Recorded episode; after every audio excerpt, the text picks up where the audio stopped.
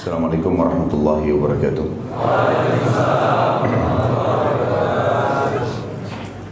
Innal hamdalillah segala puji bagi Allah Subhanahu wa taala. Nahmaduhu wa nasta'inuhu wa nastaghfiruh. Hanya kepadanya kita memuji, meminta pertolongan serta bertaubat dari dosa-dosa kita. Wa na'udzu billahi min syururi anfusina dan hanya kepada Allah pula kita meminta agar dijauhkan dari keburukan-keburukan diri kita. Wa min sayyiati a'malina dan dari segala dosa yang pernah kita lakukan. May yahdihillahu fala mudhillalah. Barang siapa yang telah Allah berikan petunjuk maka tidak akan pernah sesat selamanya. Wa may yudlilhu fala hadiyalah. Dan barang siapa yang telah Allah sesatkan maka tidak akan mendapatkan petunjuk selamanya. أشهد أن لا إله إلا الله وحده لا شريك له وأشهد أن محمدا عبده ورسوله. Saya bersaksi Tidak Tuhan yang berhak disembah kecuali Allah dan Muhammad benar-benar hamba juga utusannya. Qala Allah Ta'ala Allah telah mengingatkan dalam kitabnya Ya ayyuhalladzina amanu taqullaha haqqa tuqatih wa la tamutunna illa wa antum muslimun. Hai sekalian orang-orang yang beriman bertakwalah patuh dan tunduklah sebenar-benar patuh dan tunduk kepada satu-satunya pencipta segala sesuatunya baik di langit, di bumi, di kedalaman lautan terjangkau atau tidak terjangkau oleh mata manusia. Dan janganlah kalian meninggal dunia kecuali dalam keadaan Islam. Di ayat yang lain Allah juga mengingatkan Ya ayuhan nasu taqu rabbakum alladhi khalaqakum min nafsin wahidah وخلق منها زوجها وبث منهما رجالا كثيرا ونساء واتقوا الله الذي تساءلون به والأرحام إن الله كان عليكم رقيبا Hai sekalian manusia, sekali lagi bertakwalah, hanya patuh dan tunduklah kepada satu-satunya pencipta segala sesuatunya yang telah menciptakan kalian dari jiwa yang satu yaitu Adam alaihissalam dan telah menciptakan dari jiwa yang satu istrinya Hawa alaihissalam. Dan telah banyak memberikan keturunan laki-laki juga perempuan dari keduanya. Sekali lagi bertakwalah dan jagalah hubungan silaturahim. Sesungguhnya Allah senantiasa mengawasi kalian. Di ayat yang ketiga Allah juga mengingatkan Ya ayyuhalladzina amanu taqullaha wa qulu qawlan sadida. Yuslih lakum a'malakum wa yaghfir lakum dhunubakum وَمَنْ يُطِعِ اللَّهَ وَرَسُولَهُ فَقَدْ فَازَ فَوْزًا عَظِيمًا Hai sekalian orang-orang yang beriman, sekali lagi bertakwalah, patuh dan tunduklah kepada Allah dan ucapkan kalimat yang benar yang membuatnya ridha dan jauhi pelanggaran-pelanggarannya. Niscaya dia akan memperbaiki amal-amal perbuatan kalian, mengampuni dosa-dosa kalian. Barang siapa yang mentaati Allah dan Rasulnya, maka dia telah mendapatkan kemenangan yang besar. Amma ba'd fa inna asdaqal hadithi kitabullah. Kita tahu sebaik-baik rujukan bagi umat Islam dalam segala lini kehidupan mereka terutama ibadah adalah kitabullah Al-Qur'an yang akan abadi sampai hari kiamat nanti. Wa khair hadyu hadyu Muhammadin sallallahu alaihi wa sahbihi wasallam dan sebaik-baik petunjuk setelah Al-Quran adalah petunjuk Nabi besar Muhammad sallallahu alaihi wasallam yang dikenal dengan as-sunnah wa syarrul umuri muhdatsatuha dan seburuk-buruk perbuatan yang tidak punya rujukan dari wahyu Al-Quran dan Sunnah. Fa inna kulla muhdatsin bid'ah. Semua tidak punya rujukan dalam ibadah dikenal dengan perbuatan baru dalam agama. Nabi Nabi datang dolala. Perbuatan baru itu bisa membawa pelakunya pada kekeliruan. Wa dalam finnar itu akan membawa pelakunya ke dalam api neraka. Saudaraku seiman, apa yang saya, saya baru bacakan tadi dari tahmid yang luar biasa dan agung adalah dikenal dengan khutbah hajah. Nabi kita Muhammad sallallahu alaihi wasallam tidak pernah memiliki momen baik itu khutbah Idul Adha dan Idul Fitri atau momen ingin menasihatkan dan mewasiatkan serta memotivasi pasukan perangnya atau memberikan nasihat dalam setiap kesempatan untuk para muslimin kecuali beliau memulainya dengan khutbah hajah mengingatkan muslimin dengan tiga ayat penting agar tunduk dan patuh hanya kepada Allah dan meninggalkan semua ketundukan yang bertolak belakang dengan hukum-hukum Allah serta mengingatkan agar muslimin berpegang pada wahyu Allah memurnikan ibadah dengan Al-Quran dan Sunnah. Saudara seiman, jujur kita pada pagi ini semoga bermanfaat dan Allah berikan kemudahan dan keikhlasan adalah bekal dunia dan akhirat. Saya yakin kita sepakat ya teman-teman sekalian kalau kita butuh bekal. Kita kalau mau mengadakan perjalanan butuh bekal makanan, minuman, pakaian, transportasinya, kendaraannya. Juga mungkin kita butuh mempelajari lokasi yang akan kita tuju. Tapi kita sedang berbicara bukan bekal hanya sekedar fisik saja. Lapar makan, dahaga minum, Kemudian kalau supaya tidak kedinginan atau kepanasan atau malu memakai pakaian. Ada bekal yang lebih besar daripada itu teman-teman sekalian. Kalau bekal ini ada di dalam jiwa setiap orang di antara kita, maka fisiknya bisa tunduk. Karena bekal ini kalau ada, orang lapar bisa bersabar, orang haus bisa bersabar, orang capek bisa bersabar, orang kehilangan yang dicintai dari kematian bisa bersabar. Apa saja dia bisa lalui. Fisiknya bisa tunduk dengan bekal ini. Bekal ini teman-teman sekalian disebutkan oleh Allah yang Maha Suci di dalam Al-Quran surah Al-Baqarah.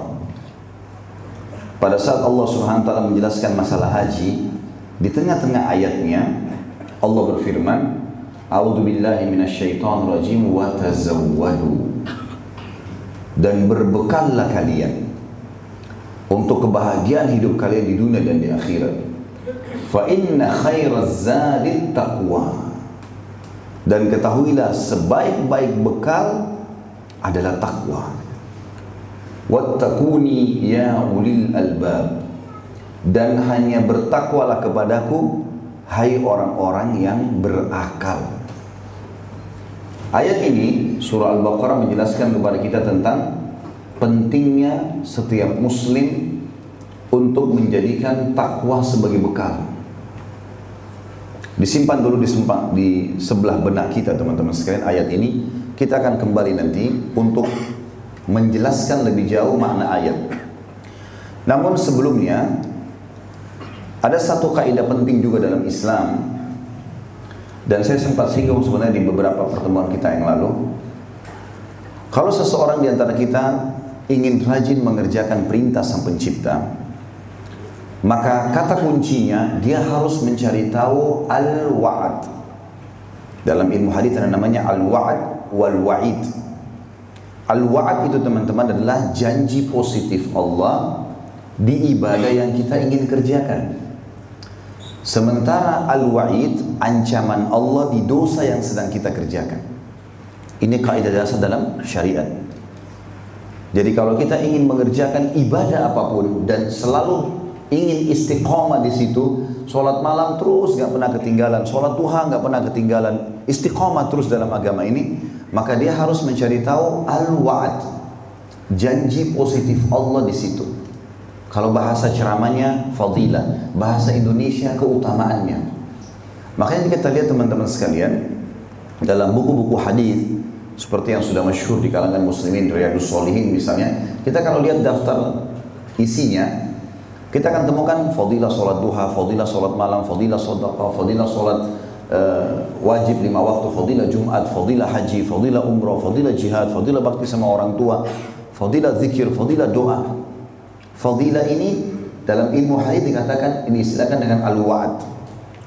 Kalau teman-teman ingin rajin sholat malam, walaupun tidak bunyi jam beker, walaupun sempat begadang, maka bisa kita bangun.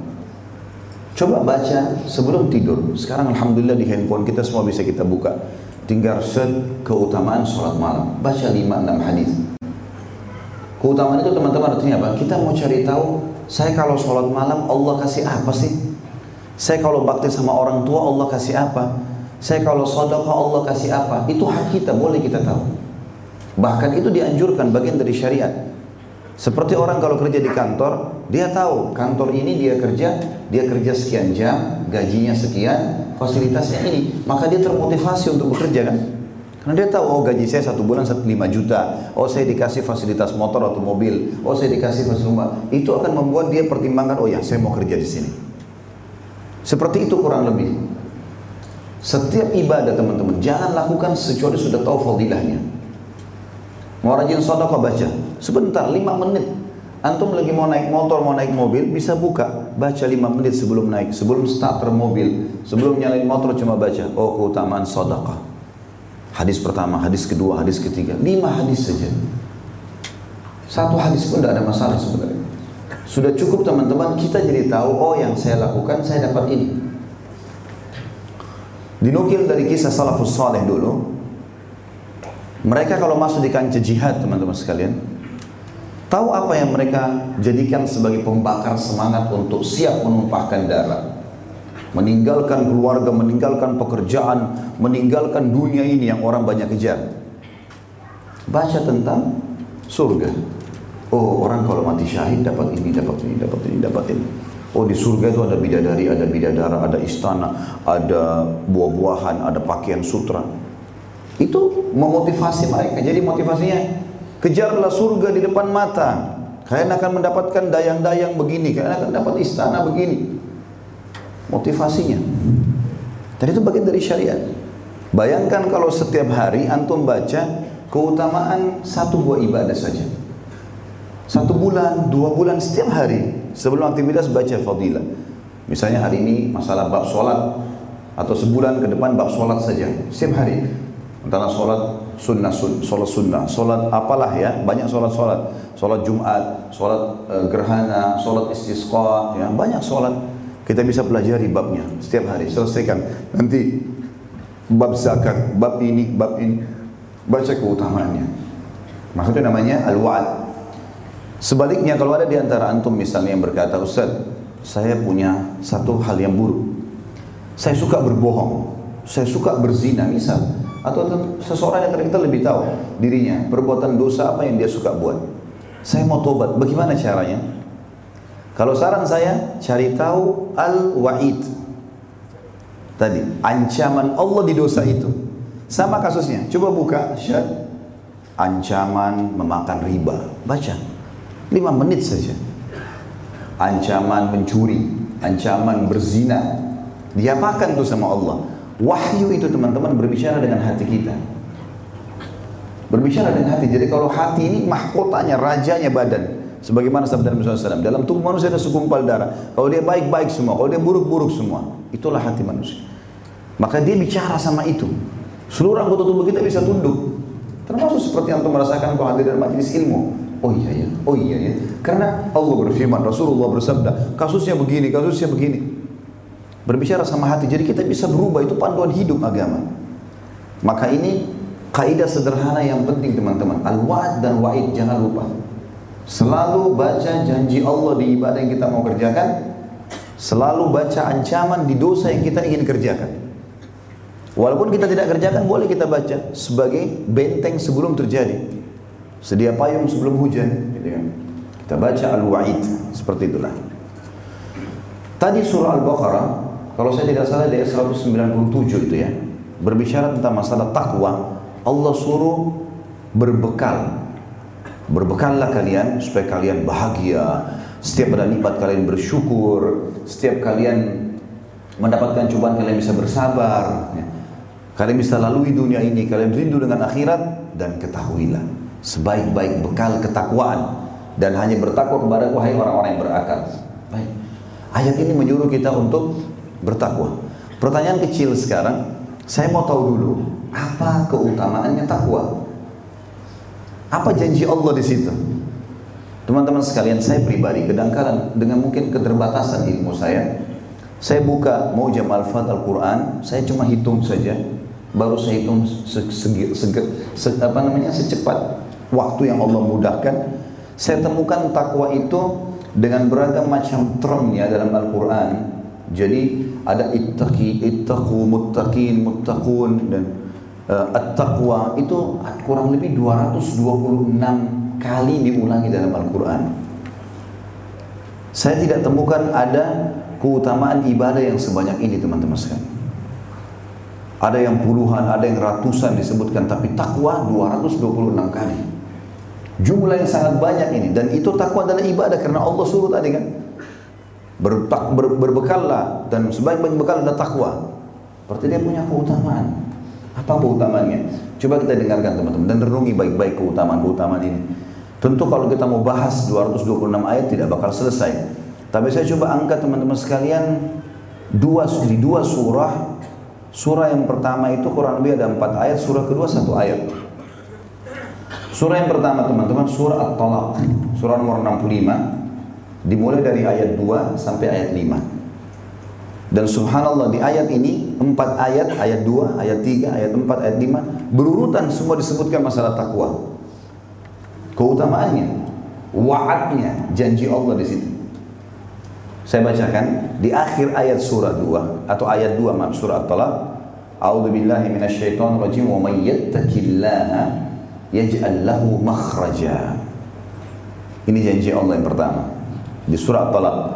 Siapa yang bertakwa kepada Allah, Allah akan berikan kepadanya makhraja. Baik, kita coba masuk dulu ke dalam bahasa Arab. Karena Al-Quran dalam bahasa Arab, makhraj dalam bahasa Arab yang Allah bilang siapa yang bertakwa kepada Allah, Allah akan berikan kepadanya makhraj. Teman-teman kalau umroh atau haji, kalau kita lihat tangga darurat, ada tulisan biasa bahasa Inggrisnya exit. Bahasa Arabnya itu ditulis makhraj, mim kha ra jim. Kenapa dikatakan makhraj teman-teman? Dan kadang-kadang dikasih di sebelahnya tanda orang jalan kayak ada api di bawahnya kalau terjadi kebakaran. Karena tangga itu dianggap tangga penyelamat. Darurat.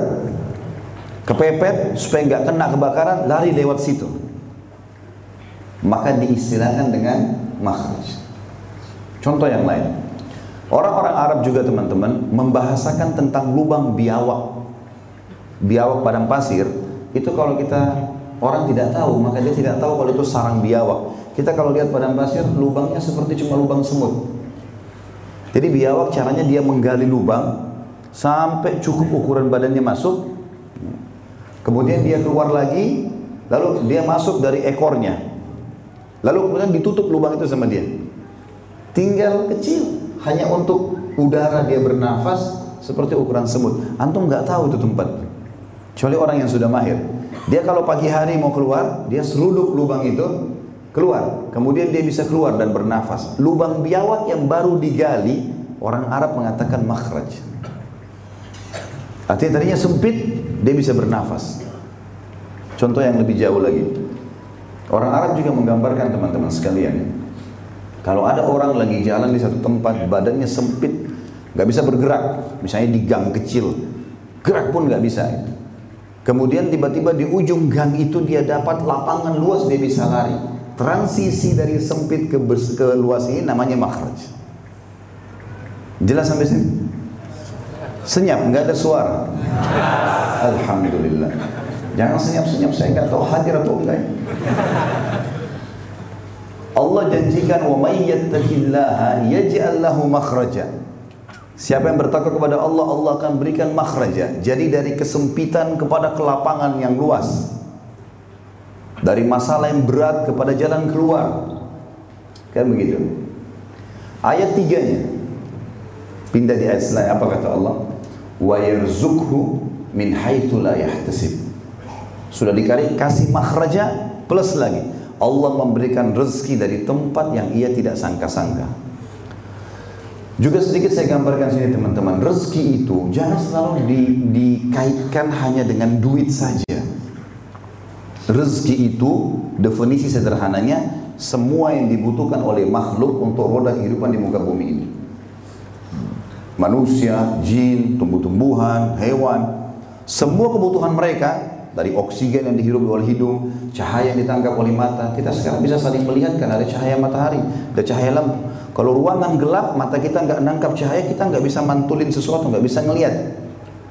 Itu rezeki, telinga kita bisa menangkap, mendengar rezeki.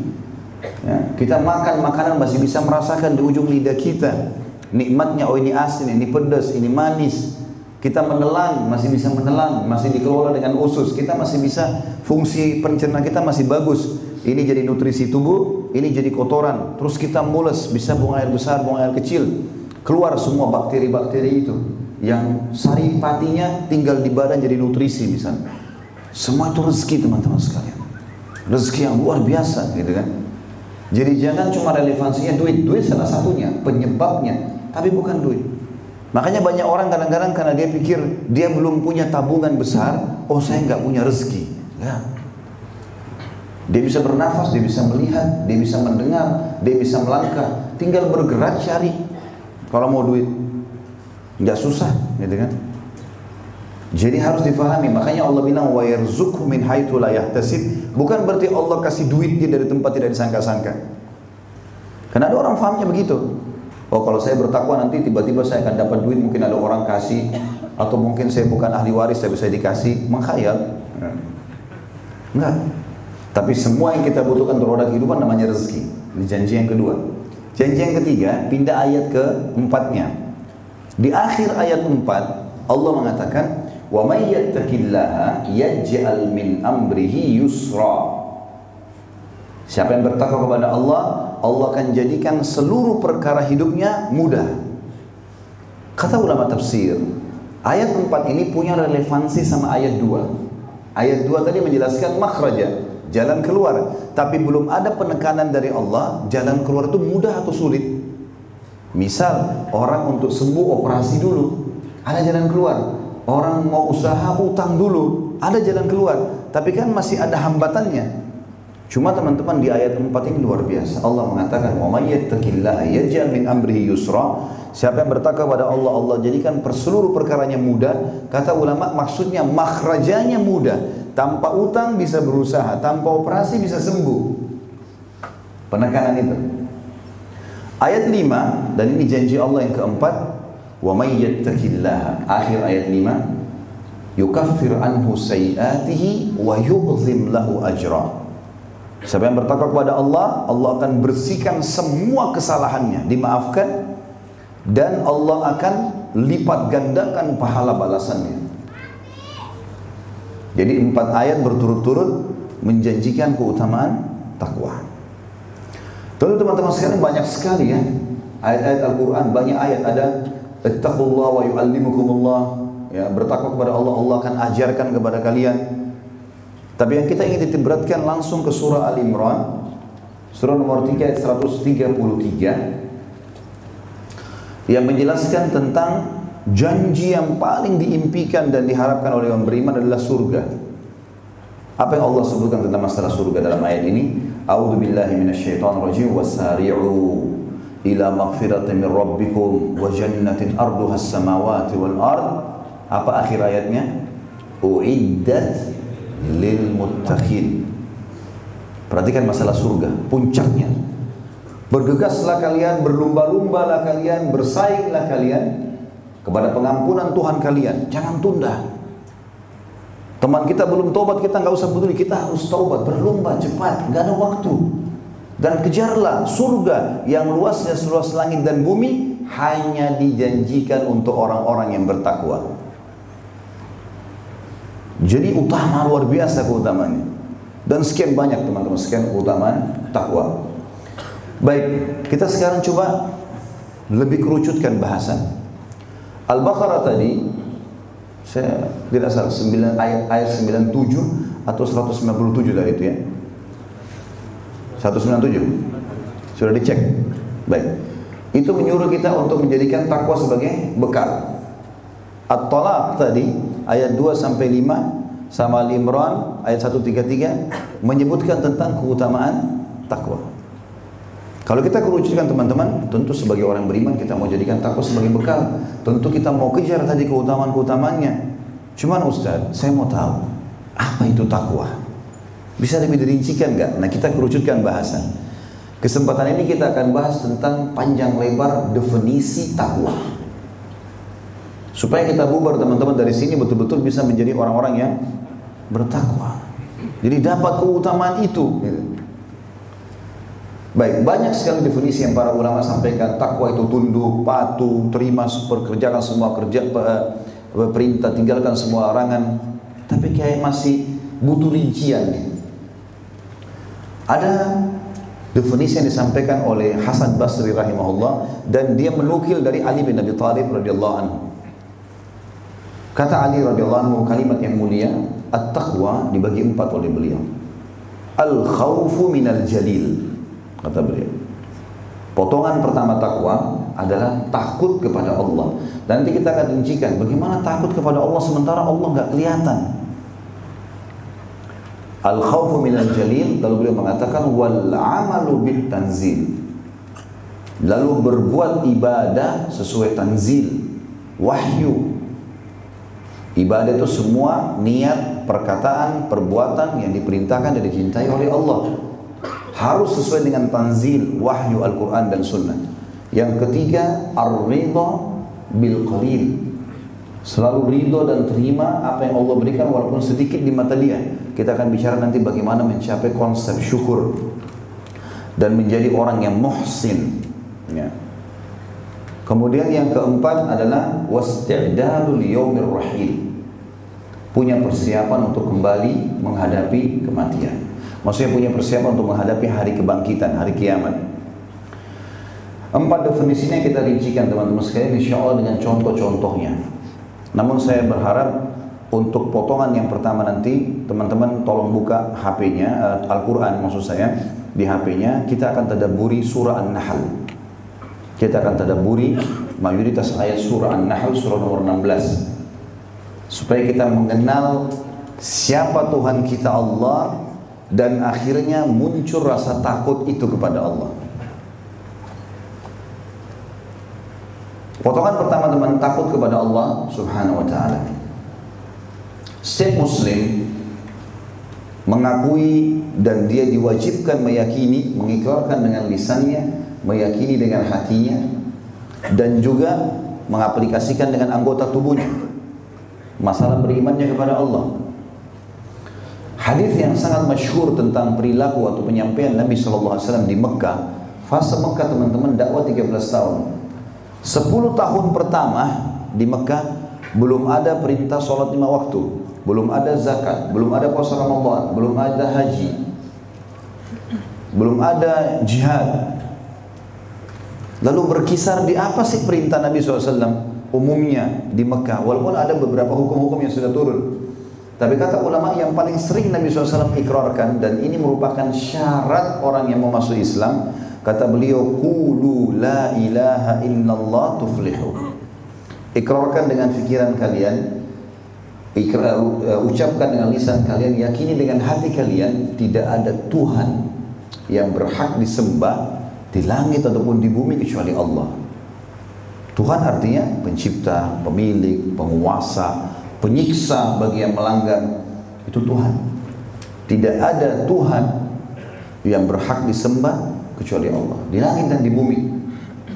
Tidak perlu bergantung takut cinta ya, berharap memohon kecuali kepada Allah.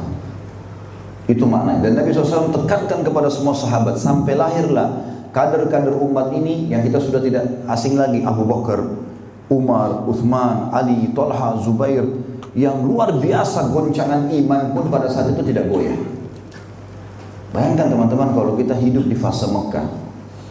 Saya kadang-kadang merenung itu ya.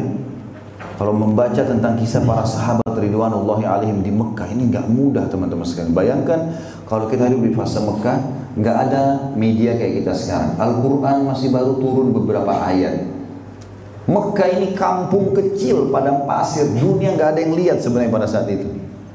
Kecuali orang-orang yang sudah beriman sama Allah yang mau datang haji. Tapi Romawi Persia nggak ada yang lihat Mekah ya. negara-negara dikuasa. Maka pada saat itu teman-teman sekalian ada seseorang yang tidak baca, tidak bisa baca dan tulis mengaku nabi. Dan harus diimani yakin kalau dia benar dan kalau tidak mengiman masuk neraka. Coba bayangin, kira-kira kalau kita hidup di fase Mekah jadi Abu Bakar atau Abu Jahal? Antum jawab diri antum sendiri. Kalau saya hidup di fase itu teman-teman khawatir. Karena luar biasa. Ada orang di dalam kota yang kecil ngaku nabi harus diikuti. Beriman masuk surga, tidak beriman kafir masuk neraka nggak ada opsi lain. Kalau sekarang kita gampang beriman, lahir kita keluar ibu ayah kita muslim.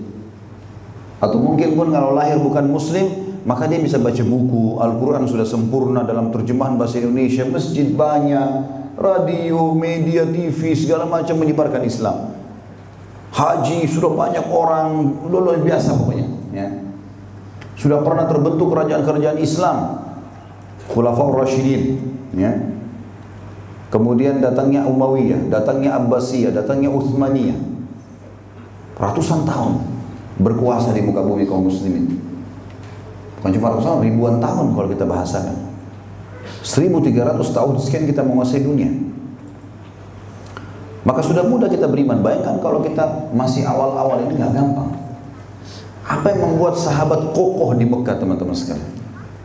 Ternyata penanaman tentang kalimat tauhid tadi. Ini semua yang kamu lihat tidak lihat makhluk. Allah yang ciptakan. Mau batu, mau tanah, mau air, mau manusia, mau hewan, tumbuh-tumbuhan, langit, bintang-bintang, udara, apa saja. La ilaha illallah. Gak ada yang ciptain, gak ada yang urus, gak ada yang awasin kecuali Allah. Teman-teman tahu sampai hari ini orang-orang ateis yang tidak mengakui Tuhan Allah itu mereka dikuat dengan kuasa Allah ya mereka adakan penelitian di lautan dengan sekian juta dolar mereka adakan penelitian di, di udara mereka adakan penelitian di darat dan selalu mentok ke sebuah titik luar biasa nih. Misalnya dia teliti laba-laba misalnya, saya pernah ada cuplikan begini. Laba-laba diteliti, mereka bingung bagaimana bisa laba-laba ini punya sifat defense, dia bisa mengeluarkan racun, dia bisa mengeluarkan jaring. Dan yang unik, ditemukan teman-teman sekalian sampai hari ini, baju anti peluru yang paling bagus itu, itu terbuat dari sarangnya laba-laba. Antum kalau pengen laba-laba begini kan hancur sarangnya tuh. Dan Allah sebutkan dalam Al-Quran memang surah Al-Ankabut masalah laba-laba.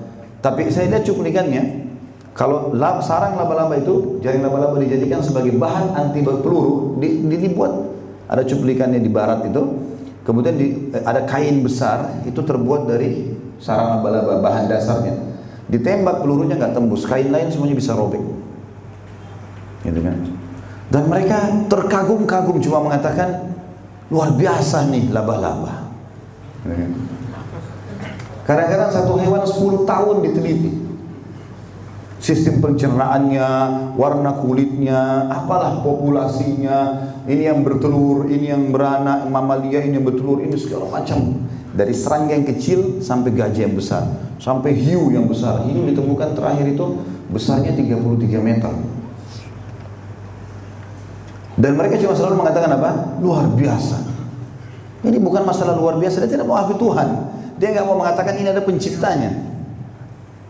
Saking sulitnya mengatakan ada pencipta karena mereka tidak mau akui itu. Dari mana semua ini teman-teman sekalian? Kita lahir di muka bumi ini sudah sudah temukan semua sudah ada ya. Bunga buka mata sudah ada oksigen terhidup. Fungsi anggota tubuh sudah berfungsi. Subhanallah anak saya sakit Kemudian sempat sebelum keluar rumah waktu mau diantar ke rumah sakit, kisah beberapa waktu lalu, sempat anak ini bilang umurnya masih tiga tahun. Dia bilang sama istri saya Umi, namanya Umama kebetulan. Umama mau pergi dulu ya. Subhanallah waktu itu kita mau bawa ke rumah sakit. Saya pulang dari talim, istri saya bilang, dia sedih, kenapa sih? Anak ini tadi ngomong gini, jangan sampai sudah mau meninggal. Biasa orang tua mungkin lihat anaknya bilang, Umi saya mau pergi ya, ini anak lagi sakit. Terus saya panggil dia sebentar, duduk dulu. Saya mau tanya, jawab apa adanya. Apa andil saya dan andil kamu di satu helainya rambutnya anak ini? Kau buat atau saya buat? Ada satu lembar rambutnya, satu lembar alisnya, satu senti atau satu milimeter kulitnya, atau bola matanya. Atau satu giginya. Satu kukunya. Ada andil kamu? Kamu buat saya buat itu tidak. Jawabannya tidak baik ini ada Tuhannya ada pemiliknya cuma dia lahir kita yang dijadikan sebab dihubungkan variabel ini ayahnya ini ibunya bukan milik kita kalau pemiliknya mau ambil, Tuhannya mau ambil, selesai urusannya. Siapa yang bisa tahan? Nggak mungkin. Baru masuk di benak dia. Subhanallah teman-teman memahami tentang kepemilikan sang pencipta Allah dan keberadaannya ini luar biasa membuat hidup kita tenang. Karena semua kita tahu ini bukan punya kita. Terbukti juga kita kalau mati teman-teman apa yang kita bawa? Makanya hati-hati dengan kalimat benda diikutkan dengan aku atau saya. Mobil aku. Rumah aku. Ya. Itu ya apalah ya. Punyaku. Ini bukan punyamu. Ya. Bukan punya kita. Kalau punya kita pasti kita bawa ke yang lahat kan? Kalau kita mati cuma jadi kenang, oh itu rumahnya si fulan. Dulu dia pernah tinggal. Sekarang sudah bukan ahli warisnya, dijual pindah nama. Ha? Dia cuma bawa kain kafannya saja. Dan Nabi SAW sudah ingatkan orang beriman teman-teman, kita punya bocorannya. Kenapa kita nggak faham masalah ini? Kata Nabi SAW, kalau anak Adam meninggal dunia, ikut ke kuburan tiga. Ya, keluarganya, hartanya, dan amalnya. Dan akan pulang dua. Keluarganya sama hartanya pulang. Secinta-cintanya suami kepada istri, istri kepada suami, orang tua pada anak, demi Allah nggak bakal tinggal di kuburan. Hmm? Cinta saya nangis nangis nginap coba sehari. Hmm? Tidur sama-sama sih. Satu jam paling lama nangis pulang selesai. Biar juga ibu sayang sama anaknya sama kasus. Ibu itu tidak menginap di kuburan. Mobilnya Alphard 10 biji Paling jauh di pagar kuburan. Ada orang yang masuk mobilnya ke liang lahat. Pulang orang cuma kenang, oh dulu punyanya si fulan. Itulah hakikat dunia kita nggak punya apa-apa. Yang tinggal bersamanya amalnya yang selama ini antum malas sholat duha, antum malas sholat ke masjid, malas puasa. Nah, itu yang temanin. Gimana caranya kita lalai dari sesuatu yang akan menemani kita dan kita sibuk dengan yang akan kita tinggalkan. Nah, jadi harusnya jeli teman-teman sekalian memahami masalah ini. Dan saya sudah berikan contoh kemarin, saya ulangi kembali. Supaya lebih kuat lagi pemahaman kita. Datangkan semua yang disembah selain Allah. Apa saja yang orang sembah. Patung ke pohon ke batu ke angin ke apalah syaitan. Apa andil mereka itu? Allah menantang dalam Al-Quran. Gitu kan? Semua yang kalian sekutukan selain aku, mereka tidak punya walaupun seperti setipis kulit ari. Dan tidak pernah teman-teman ada yang mengklaim yang mencipta. Cipta itu dari tidak ada menjadi ada ya, dari tidak ada sebelumnya. Jadi manusia sebenarnya bukan menciptakan, kita merakit, kita membuat. Kata-kata cipta ini sebenarnya lebih tepat dari tidak ada menjadi ada. Itu hanya haknya para pencipta Allah. Ya. Makanya Allah mengatakan dalam Al-Quran itu, ingatlah menciptakan. Ya kan? dan memusnahkan itu adalah haknya Allah. Tak ada manusia bisa, kita cuma rakit. Apa kira-kira teman-teman yang paling canggih yang manusia bisa rakit dan buat sekarang? Pesawat, helikopter, handphone, komputer. Tahu nggak teman-teman sekarang? Ini semua menciplak dari ciptaannya Allah. Handphone ini lahir awalnya komputer itu karena mempelajari otak manusia. Kok bisa kita ini datang ke satu tempat Sekali saja kita lihat potret mata kita, terus kita pergi 10 tahun lagi datang, ingat gak? Ya?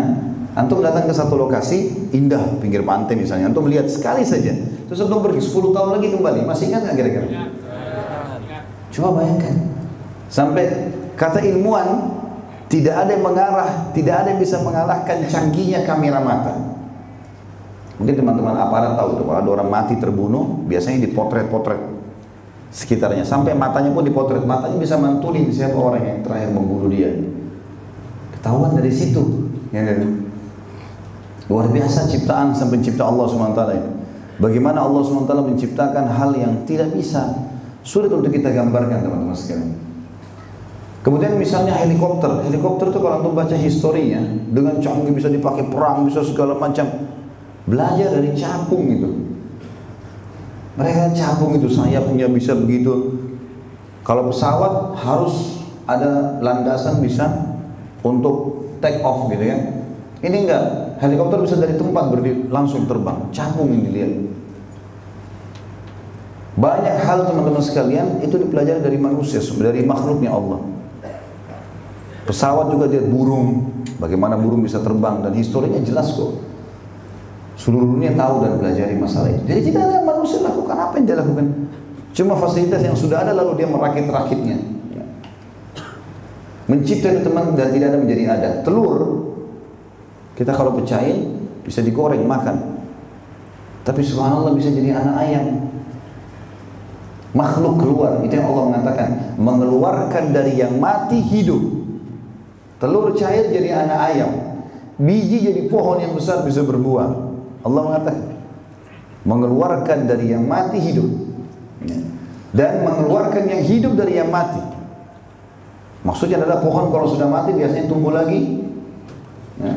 Tanaman di sebelahnya. Ada kebakaran terjadi, pohon ada yang terbakar, tiba-tiba muncul di sebelahnya pohon kecil. Saya subhanallah pernah di belakang rumah di tempat di Condet di Jakarta. Ada sedikit taman di belakang biasanya saya sering lihat. Satu waktu saya kadang-kadang siram ada tanaman kecil-kecil di pot saya taruh gitu. Satu waktu saya mungkin sudah dua minggu gak perhatikan. Dari kamar langsung aja saya pergi taklim karena sibuk. Begitu dua minggu saya ke belakang ada pohon pepaya. Udah muncul pohon pepaya. Tingginya sudah hampir satu satu setengah meter saya begini kapan nih pohon pepaya ditanam saya tanya istri saya, pernah lihat nggak pohon pepaya? Enggak, nggak pernah. Nggak tahu. Terus saya biarin, mungkin sebulan makin tinggi berbuah. Buahnya sampai matang, saya petik buahnya. Ini kita nikmatin bagaimana Allah kasih kita pepaya gratis. Coba teman-teman sekalian, sebelum menikmati sesuatu, pikirkan hal yang lebih besar. Kalau misal begini, kalau teman-teman lagi pengen makan ayam misalnya, saya kasih contoh makanan supaya lebih gampang difahami.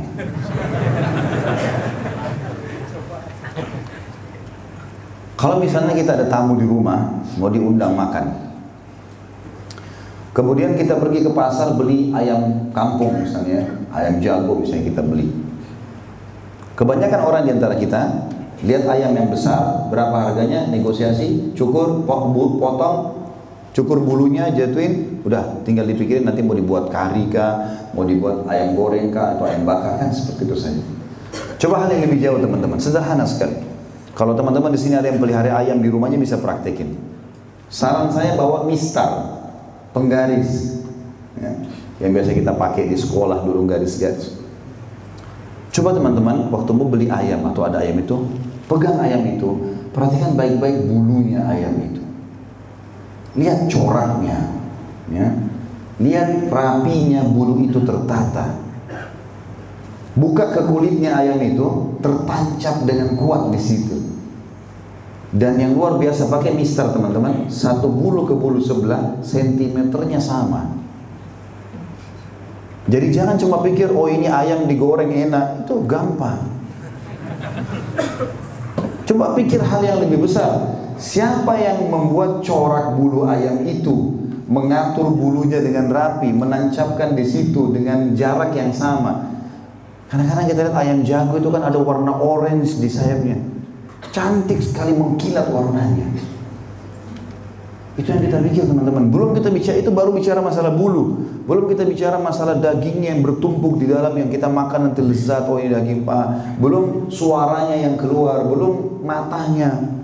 Sekarang para ilmuwan muslim mengadakan penelitian kenapa Rasulullah SAW berkata kalau ayam jantan berkokok maka berdoalah karena dia sedang lihat malaikat. Ada apa dengan penglihatannya ayam? Ya. Ada penelitian diadakan luar biasa gitu. Sama juga teman-teman sekalian, kalau kita beli buah-buahan, kalau kita misalnya masuk ke toko pengen makan anggur, baik ada anggur hitam, ada anggur hijau, ada anggur merah, kalau kita cuma sekedar beli, saya mau yang hitam deh. Nah ini manis. Kita ambil lalu kita petik, kita makan. Oh yang manis selesai. Itu terlalu rendah sekali lah tanda kutip dari cara berpikir. Pikir hal lebih besar teman-teman. Siapa yang membuat anggur itu? Kulitnya, cita rasanya, dagingnya di dalam. Siapa yang tancapin di tangkai-tangkainya dengan jumlah yang banyak seperti itu? Sampai kalau dia belum masih di tangkainya indah kelihatan. Gitu ya. Yang kasih warna ini hijau, ini merah, ini hitam. Kemudian teman-teman sekalian, lebih jauh daripada itu. Kalau kita petik, siapa di antara kita yang bisa tancapin kembali seperti tadi awal? Tancapin saja, nggak usah bicara buat satu butir anggur yang sudah dicabut, coba tancapin kembali. Atau buat untuk kami buatlah sedikit kulitnya anggur sama tadi. Manusia kadang-kadang cuma buat imitasinya anggur sudah bangga dijual di pasar. Padahal cuma menciplak saja. Pisang teman-teman. Siapa yang tata pisang di situ? Kan pisang paling banyak kita lihat di sini di Indonesia ya. Pisang itu siapa yang tata dengan begitu sisirannya? Siapa yang kasih warna kuning yang cerah seperti itu? Siapa yang buat lembut seperti itu? Kemudian isi dagingnya lembut seperti itu. Jangan cuma sekedar oh manis pisang selesai ya, durian dengan kulitnya yang keras, dalamnya rasanya enak, baunya aromanya wangi. Siapa yang buat itu? Dan yang luar biasa, kenapa nggak pernah habis? Kalau antum bilang, mungkin kan ada petani Ustaz. Ada survei teman-teman sekalian. Dilihat dari satelit bumi ini kalau dihamparkan, maka yang dihuni oleh manusia itu belum seluruh dunia, masih sebagian. Misalnya wilayah Amerika atau wilayah Indonesia, kalau kita masuk ke Indonesia nya, maka yang dihuni masyarakat manusia itu sedikit. Ya. Misal contoh kalau saya kasih contoh kalau di Jakarta menuju ke Jakarta eh, Jawa Barat misalnya. Saya pernah naik mobil ke Jawa Timur dari Jakarta, lewat darat, sepanjang jalan itu kiri kanan penuh luas sekali. Sawah, gunung yang tidak dihuni oleh orang. Paling rumahnya manusia ada dua, tiga gitu. Kita tidak bicara kota-kota yang berkumpul bangunan, tapi secara umum komunitas manusia ini sebenarnya dihuni sedikit sekali. Masih banyak wilayah yang kosong. Dari Mekah ke Madinah 416 kilo itu itu kosong padang pasir, gunung-gunung. Banyak tempat yang kosong di muka bumi. Banyak sekali. Jadi manusia itu sebenarnya kecil sekali. Begitu pula kalau mereka saja komunitasnya masih dianggap kecil, Begitu pula dengan yang mereka kelola dari tanah ini, kayak pertanian, kayak kecil sekali itu yang mereka kelola. Masih lebih banyak berhektar-hektar luasnya hutan yang masih liar, ya, tumbuh-tumbuhan yang tumbuh liar, buah-buahan segala macam yang tidak ada yang urus, tapi terus berbuah di hutan. Siapa pemilik? Begitu saja ada, pakai akal sehat. Makanya Nabi SAW mengatakan kata kunci, Ikrarkan dengan fikiranmu, ucapkan dengan lisanmu, yakini dengan hatimu. La ilaha illallah, kalian pasti akan beruntung. Bahagia sudah. Enggak usah kita cari teliti satu hewan, tapi seluruh ini kita lihat tidak lihat la ilaha illallah. Sampai pernah ada seorang ulama menjawab waktu ditanya oleh muridnya, "Kenapa, Syekh? Orang Islam sekarang jarang yang jadi peneliti." Kebanyakan yang masuk ke lautan, yang teliti di atas gunung, yang teliti di luar angkasa itu orang-orang kafir. Jawabannya sih sederhana. Karena orang Islam sudah yakin penciptanya ada Tuhan. Mereka itu masih ragu, jadi Allah kasih terus mereka meneliti.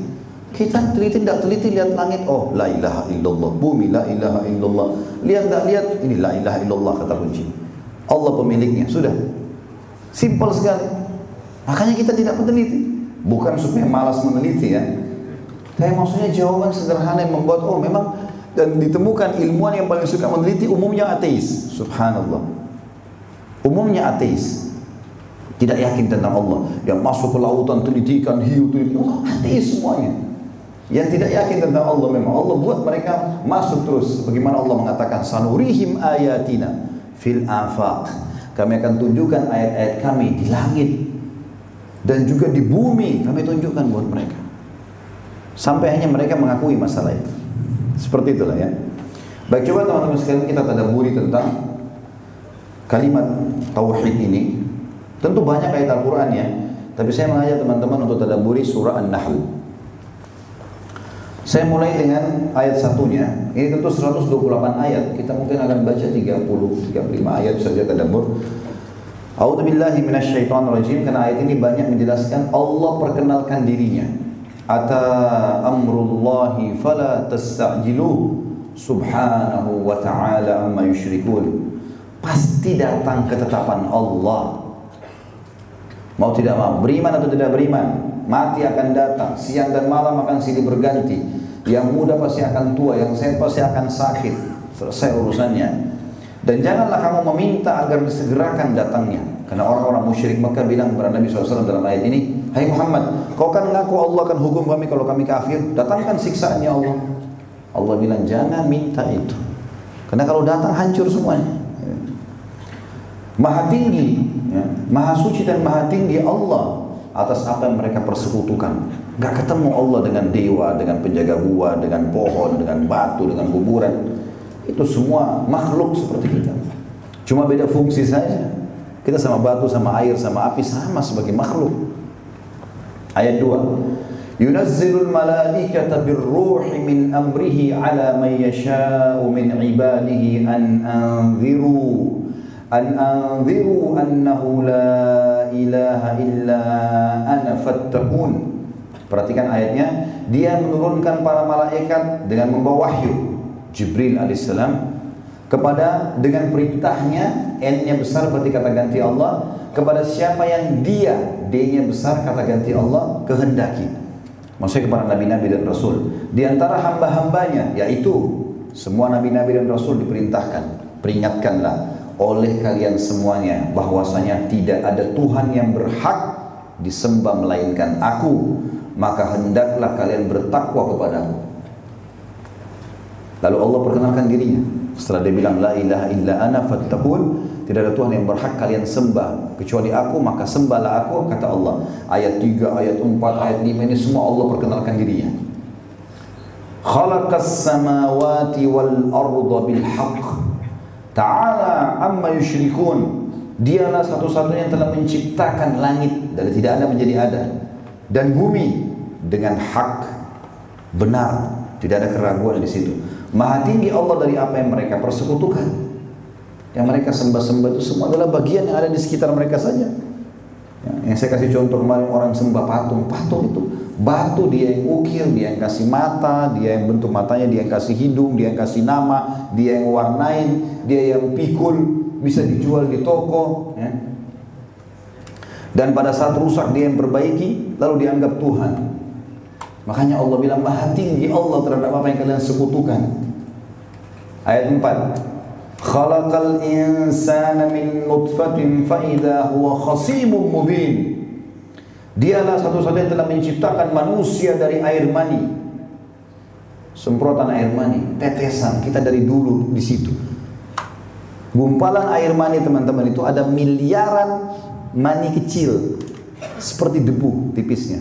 Miliaran. Itu semuanya rata-rata mati ya. Tidak bisa menyentuh sel telur yang ada di rahim seorang wanita. Nanti yang lolos satu, dua, kalau dua berarti jadi kembar, kalau satu ya satu. Kita lah satu itu. Dulu waktu kita masih sperma, persaingan kita miliaran. Beruntung lantum lahir di muka bumi. Jadi di rahim wanita itu ada seperti zat asam yang mematikan sperma-sperma itu, gitu kan?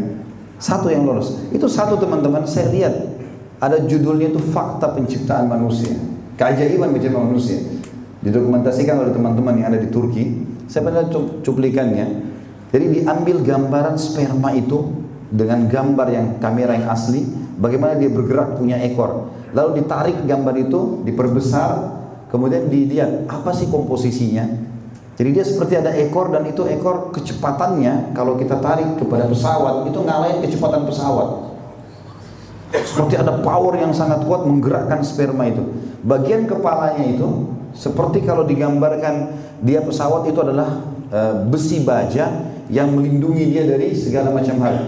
Inti sperma ada di dalamnya kepala itu, kecil sekali. Lebih halus dari debu. Dan uniknya, dia seperti jalan ke dalam rahim, tahu dia mau ke mana. Seperti ada perintah khusus. Gitu. Begitu bahasa ilmuwan. Saya dengar, memang mereka menyampaikan dalam bahasa Inggris, dan juga ada di, sekarang di dubbing dalam bahasa Indonesia. Itu dia bilang bergerak, seperti ada perintah khusus. Lalu kemudian digambarkan sel telur. Halus sekali. Lebih halus dari debu itu melengket di rahim dan ini seperti sel telurnya seperti mengeluarkan sinyal sehingga sperma ini tahu dia harus ke mana. Begitu ketemu ekornya sperma itu terlepas karena kalau tidak dia akan merusak sel telur semuanya tinggal kepalanya kepalanya pun terbuka intinya yang masuk ke dalam baru terjadilah keajaiban-keajaiban mulailah sel itu hidup aktif gitu kan sampai akhirnya menjadi gumpalan darah dan yang paling pertama terbentuk dari manusia tengkoraknya tulangnya. Itu sel hidup terus sampai terbentuk tengkorak-tengkoraknya. Diperlihatkan bagaimana sel itu terus aktif seperti ada perintah khusus membentuk otak, membentuk organ-organ tubuh, otot-ototnya, urat-urat sarafnya, bola matanya, sampai dibahasakan sel-sel yang membentuk jari kita sampai bisa jadi lima seperti ini. Itu pada saat dia tiba di titik sini misalnya, dia beraktif, maka dalam bahasa ilmiah dia membunuh dirinya. Karena kalau tidak berkembang terus, sel hidup. Maka terbentuklah jari. Seperti ada perintah khusus sampai sini selesai tugasnya. Sampai sini selesai tugas. Sampai kita jadi seperti ini teman-teman sekalian. Ilmuwan cuma mengatakan apa? Luar biasa. Apa kata Allah dari ayat 4 ini? Khalaqal insana min nutfatin fa idza huwa khasimun mubin. Dia telah menciptakan manusia dari mani. Tiba-tiba waktu dia sudah dewasa, udah sekolah, baru tamatan Indonesia, baru tamatan Amerika, faida huwa khasim mubin, tiba-tiba jadi pembantai yang nyata. Mana Tuhan? Gak ada Tuhan. Ini ketok saja. Dari sperma kecil terus tiba-tiba mau sombong. Gunung aja deh nggak bisa sama tinggi dengan gunung. Sudah bangga, mana Tuhan? Gak ada Tuhan. Kemudian ayat 5, Allah pindah setelah manusia, hewan-hewan yang ada di sekitar kita wal an'ama khalaqaha lakum fiha dif'un wa manafi'u wa minha ta'kulun dan dia Allah kalimat D-nya besar kata ganti Allah telah menciptakan binatang ternak untuk kalian coba lihat teman-teman tadi saya bilang ayam, sapi, kambing lihat itu makhluknya Allah bagaimana kita sembeli, bagaimana kita masak dagingnya dan populasinya ada terus padanya ada bulu yang menghangatkan kulit kambing, kulit sapi, kulit unta, dibuat jaket, dibuat tas. Bisa mengangkat dan berbagai-bagai manfaat dan sebagiannya kalian makan dagingnya. Ayat 6 Walakum fiha jamalun hina turihuna wa hina tasrahun dan kalian memperoleh pandangan yang indah padanya ketika kalian membawanya kembali ke kandang dan ketika kalian melepaskannya ke tempat pengembalaan. Allah masuk ke cabang substansial hidup kita teman-teman. Kalau kita lihat pengembala-pengembala domba, itu pada saat dia menggiring dombanya itu ada kenikmatan sendiri dibawa ke padang pasir, di padang rumput yang luas. Dan domba kalau dibawa, di sini kata ulama dimasukkan dalam contoh domba karena domba yang lebih sering orang di Jazirah Arab pelihara karena ini ayat turun menjelaskan tentang kondisi mereka pada saat itu.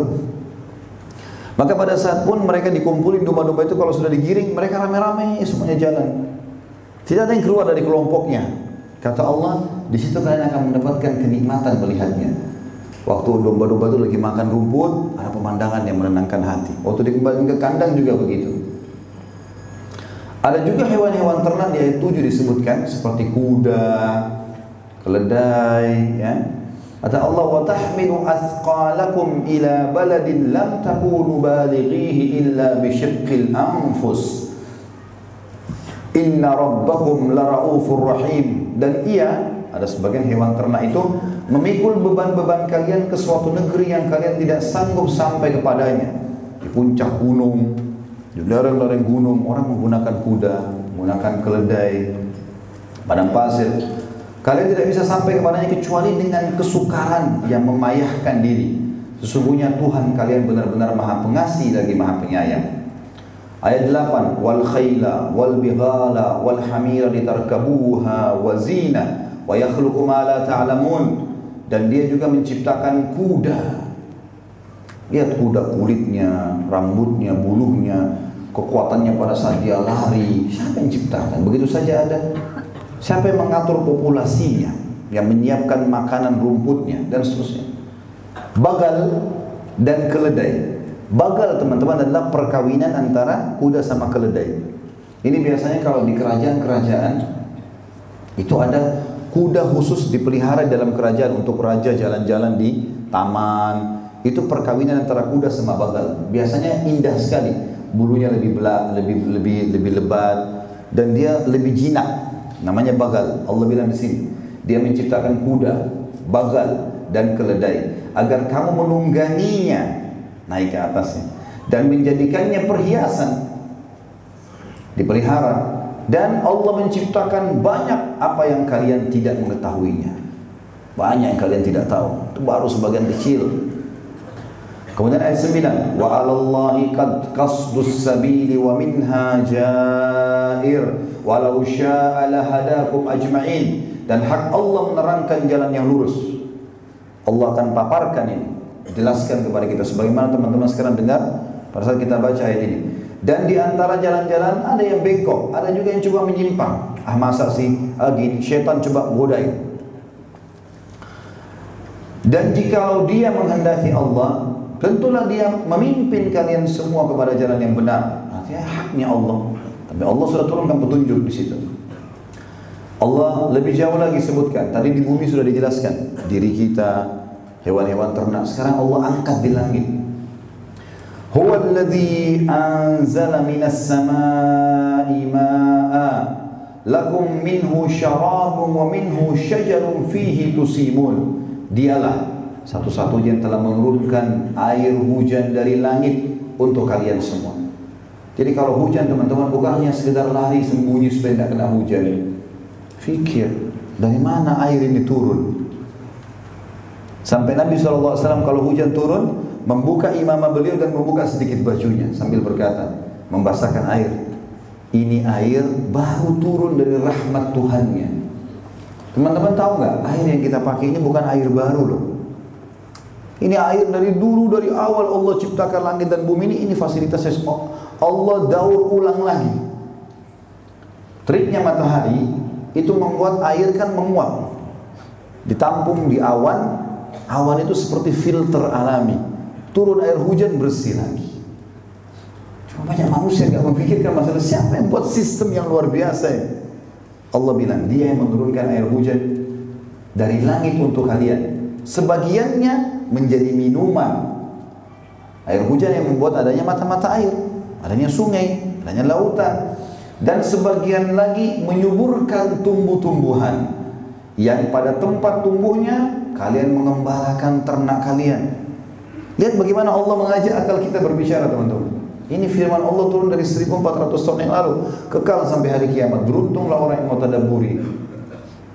Ayat 11 Air hujan itu yumbitu lakum bihi zar'a waz zaituna wan nakhila wal anab wal anab wa min kulli thamarat. Inna fi dhalika la ayatan liqaumin yatafakkarun. Dia menumbuhkan bagi kalian dengan air hujan itu tanam-tanaman. Di antaranya zaitun, kurma, anggur dan segala macam buah-buahan Sesungguhnya pada demikian itu benar-benar ada tanda kekuasaan Allah bagi kaum yang memikirkan.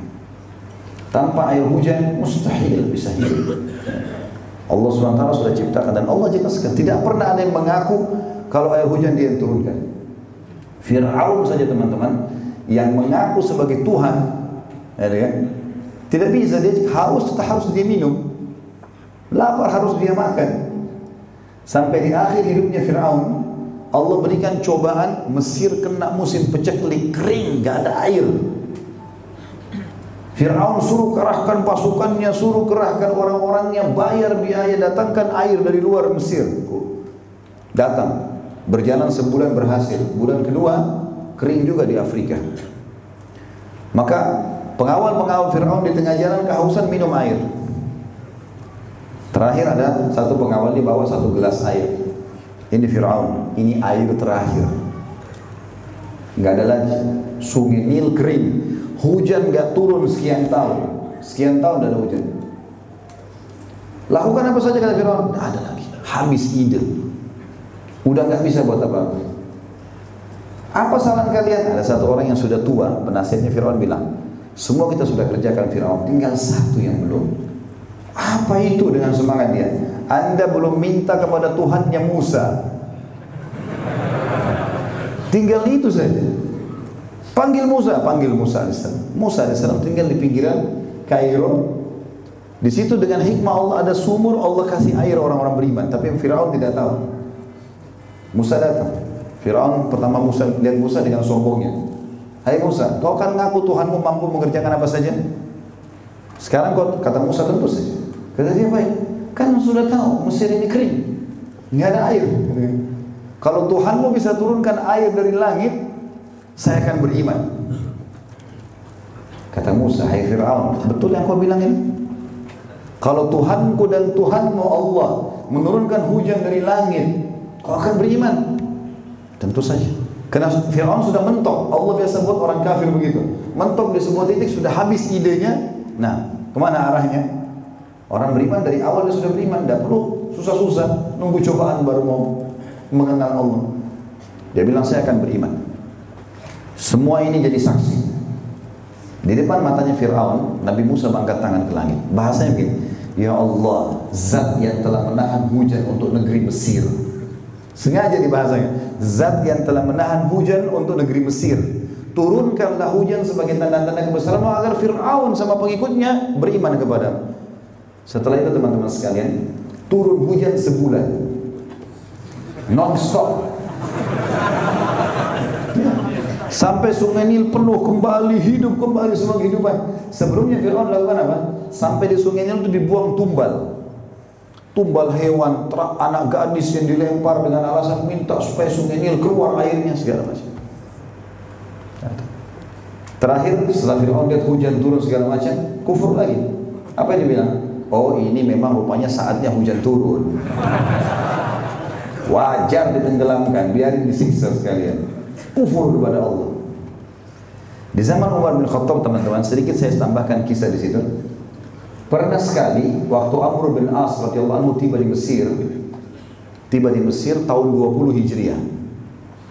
Masuk Islamlah masyarakat Mesir waktu itu. Karena kaum muslimin berhasil menaklukkan Mesir. Baru berapa hari Amr bin As jadi gubernur, sungai Nil teman-teman airnya habis. Hilang Bayangkan sungai airnya hilang. Habis. Tiba-tiba dalam satu hari hilang. Dilapor kepada Amr bin As. Gubernur ini kejadian begini. Kata Amr bin As panggil coba tokoh-tokoh masyarakat Mesir yang baru masuk Islam ini datang semua. Ditanya, apa ceritanya Nil nih? Dia bilang, wahai gubernur tiap tahun begini nih. Selalu begini, hilang tiba-tiba. Kata Amr bin As, lalu apa yang kalian lakukan? Kami lempar tumbal. Datangkan anak gadis yang belum menikah, ya, korbankan itu, dorong dari atas, jatuh ke bawah, begitu kepala yang terbentur keluar darah, keluar air sungai Nil.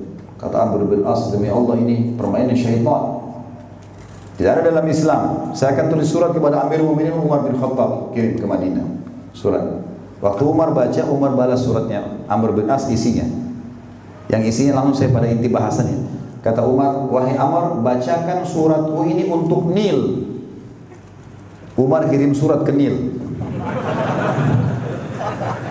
Tahu isinya apa? Hai Nil, kalau seandainya selama ini kau mengalir karena tumbal yang dilemparkan kepadamu kami tidak ingin kau mengalir selamanya. Tapi kalau kau mengalir atas nama Allah yang Maha Perkasa, mengalirlah atas nama itu. Keluar air sungai Nil sampai hari ini nggak pernah hilang. Permainan syaitan menyesatkan manusia. Nah. Lihat bagaimana Umar mengobati permasalahan sungai Nil yang sudah bertahun-tahun hanya dengan tauhidnya kepada Allah. Dusta semua itu, syaitan mempermainkan. Ya. Kita lihat lagi Allah mengajak lagi kita berbicara tentang siang dan malam di ayat 12. Masih lanjut. وَسَخَّرَ لَكُمُ اللَّيْلَ وَالنَّهَارَ وَالشَّمْسَ وَالْقَمَرَ وَالنُّجُومُ مُسَخَّرَاتٌ بِأَمْرِهِ Inna fi. Dan dia Allah yang telah menundukkan malam dan siang. Yang mengatur ini pergantian siang malam siapa teman-teman? Masa lampu ini bisa nyala tanpa ada yang nyalain? Pasti ada yang pencet, ada yang pasang listriknya, ada yang matikan. Kalau matikan, bagaimana siang dan malam berganti setiap hari? Kita kadang-kadang kagum dengan lihat listrik ini, tapi kita lupa ini ada yang lebih besar cahayanya. Bisa malam, di mana siang teman-teman siang kalau malam? Dan di mana malam kalau siang? Maka itu semua tanda-tanda Allah mengatakan dan matahari juga bulan untuk kalian dan bintang-bintang itu ditundukkan untuk kalian dengan perintahnya. Sesungguhnya pada demikian itu benar-benar ada tanda-tanda kekuasaan Allah bagi kaum yang mau memahaminya. Ayat 13. Tentu sampai sekarang para pelaut tahu ya. Orang masih menggunakan bintang sebagai petunjuk sebagaimana Allah katakan itu. Ayat 13, "Wa ma dzara'a lakum fil ardi mukhtalifan alwanuh, inna fi dzalika laayatan liqaumin yadhakkarun." dan dia telah menundukkan pula apa yang dia ciptakan untuk kalian di bumi dengan berlain-lain macamnya. Sesungguhnya pada yang demikian itu benar-benar terdapat tanda-tanda kekuasaan Allah bagi kaum yang mengambil pelajaran. Api yang bisa dipakai, ya gitu. Kemudian uh, air, ya, dan seterusnya. Itu teman-teman sekalian semuanya ditentukan oleh Allah Subhanahu Wa Taala. Semua itu itu pelajaran kata Allah. Ayat 14 Wa huwa alladhi sakhara al-bahra lita'kulu minhu lahman tariyan wa tastakhriju minhu hilya wa tastakhriju minhu hilyatan talbasunaha wa tara al-fulka mawakhira fihi liwalitabtagu walitabtagu min fadlihi wa la'allakum tashkurun dan dialah Allah satu-satunya yang telah menundukkan lautan untuk kalian agar kalian dapat memakan darinya daging yang segar ikan, udang, cumi dan seterusnya. Dan kamu mengeluarkan dari lautan itu perhiasan yang bisa kalian pakai batu-batu mutiara segala macam. Dan kalian juga bisa melihat bahtera berlayar di atasnya. Bagaimana kapal-kapal laut bisa jalan di atasnya dan semua itu supaya kalian mencari keuntungan dari karunia-Nya bisa dagang, bisa transaksi, jual ikan, jual udang, jual segala macam kelola dan supaya kalian bersyukur lebih jauh lagi, ayat 15. Poin demi poin Allah rincikan.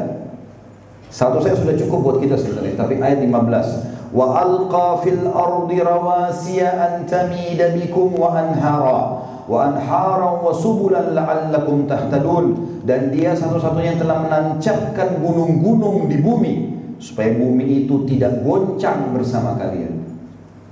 Yang buat bumi tidak bisa goyang dengan hikmah Allah ada paku-pakunya. Ada gunung-gunung yang tertancap. Tidak goncang. Siapa menancapkan itu teman-teman sekalian? Dan dia menciptakan sungai-sungai yang ada dan jalan-jalan agar kalian mendapat petunjuk.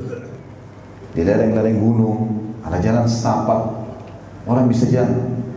Ayat 16. Wa alamat wa bin najmihum yahtadun dan dia menciptakan tanda-tanda atau petunjuk jalan buat kalian.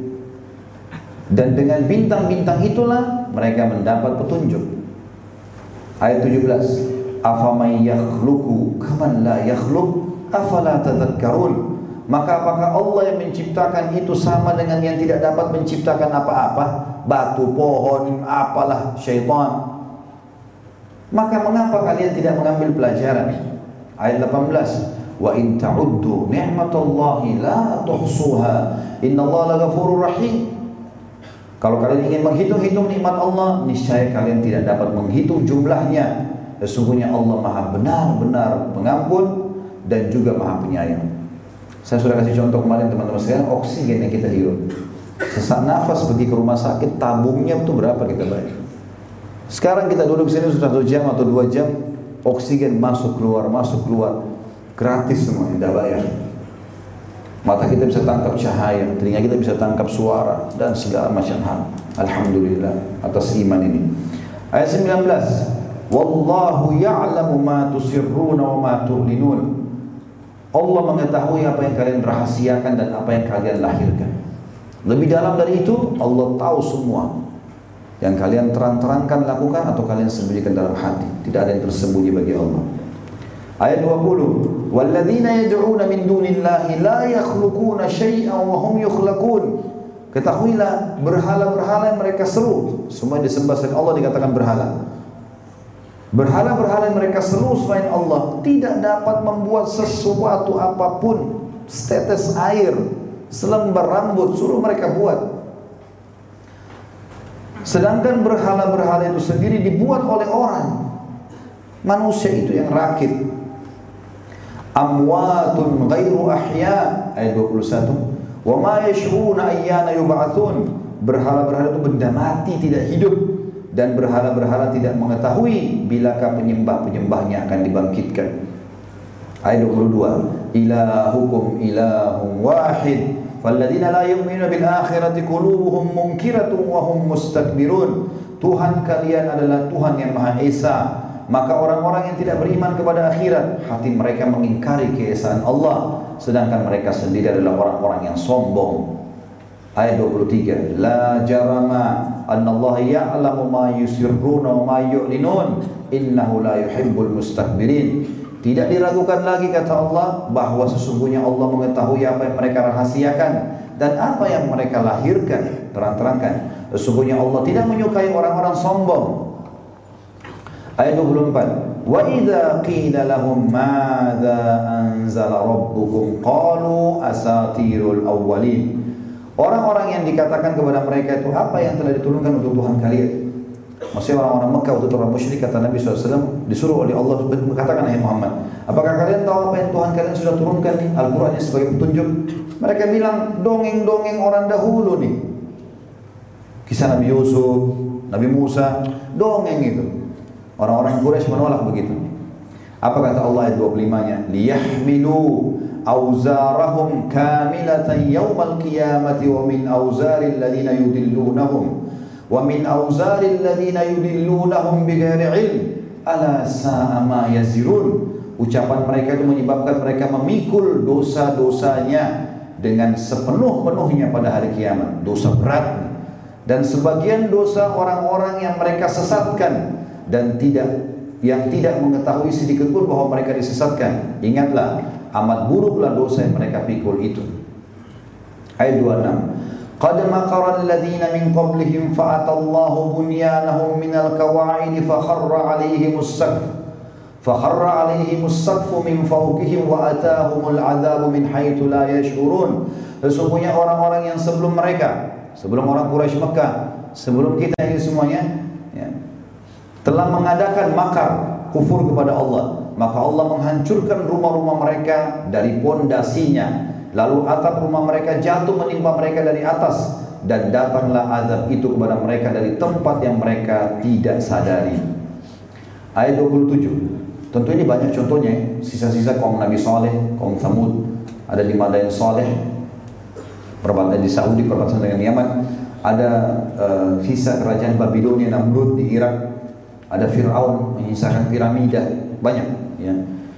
Ayat 27 ثم يوم القيامة يخزيهم ويقول أين شركائي الذين كنتم تشاكون فيهم قال الذين أوتوا العلم إن الخزي اليوم والسوء على الكافرين Kemudian Allah menghinakan mereka di hari kiamat dan Allah berfirman, "Di manakah sekutu-sekutuku yang karena membelahnya kalian selalu memusuhi mereka para nabi-nabi dan orang-orang mukmin?" Berkatalah orang-orang yang telah diberi ilmu, Sesungguhnya kehinaan dan azab hari ini timpakan kepada orang-orang kafir. Alladzina tatawaffahumul malaikatu zalimi anfusihim fa'alqaw salama ma kunna na'malu min su' bala innallaha alimun bima kuntum ta'malun yaitu orang-orang yang dimatikan oleh para malaikat dalam keadaan berbuat zalim kepada diri mereka sendiri. Kufur ini zalim.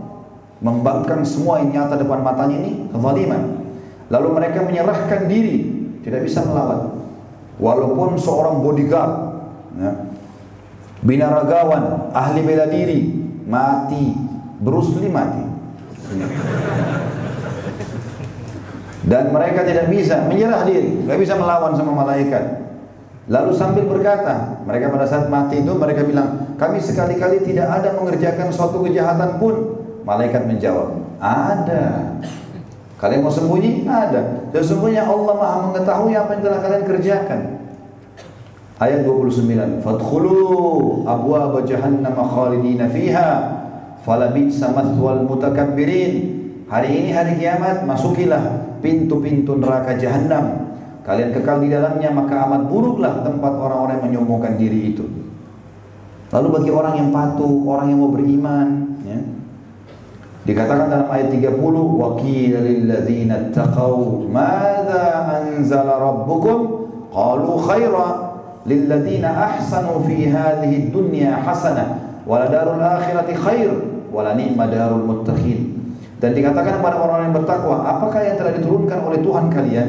Mereka menjawab, ada nggak wahyu yang turun? Mereka bilang ada. Allah telah menurunkan kebaikan. Panduan hidup, kami jadi tahu mana halal, mana haram, mana boleh dari makanan, mana tidak boleh, mana minuman yang boleh, mana tidak boleh, pergaulan, pendapatan. Kami jadi tahu semuanya, kebaikan. Orang-orang yang berbuat baik karena patuh sama Allah di dunia, mereka mendapatkan pembalasan yang baik dan sesungguhnya kampung akhirat itu lebih baik dan itulah sebaik-baik tempat bagi orang yang bertakwa. Ayat 31. Jannatu adnin jannatu adni yadkhulunaha tajri min tahtiha al-anhar lahum fiha ma yasha'un kadzalika yajzillahu al-muttaqin. Perhatikan akhir ayat ini bahasan kita juga muttaqin ya, takwa.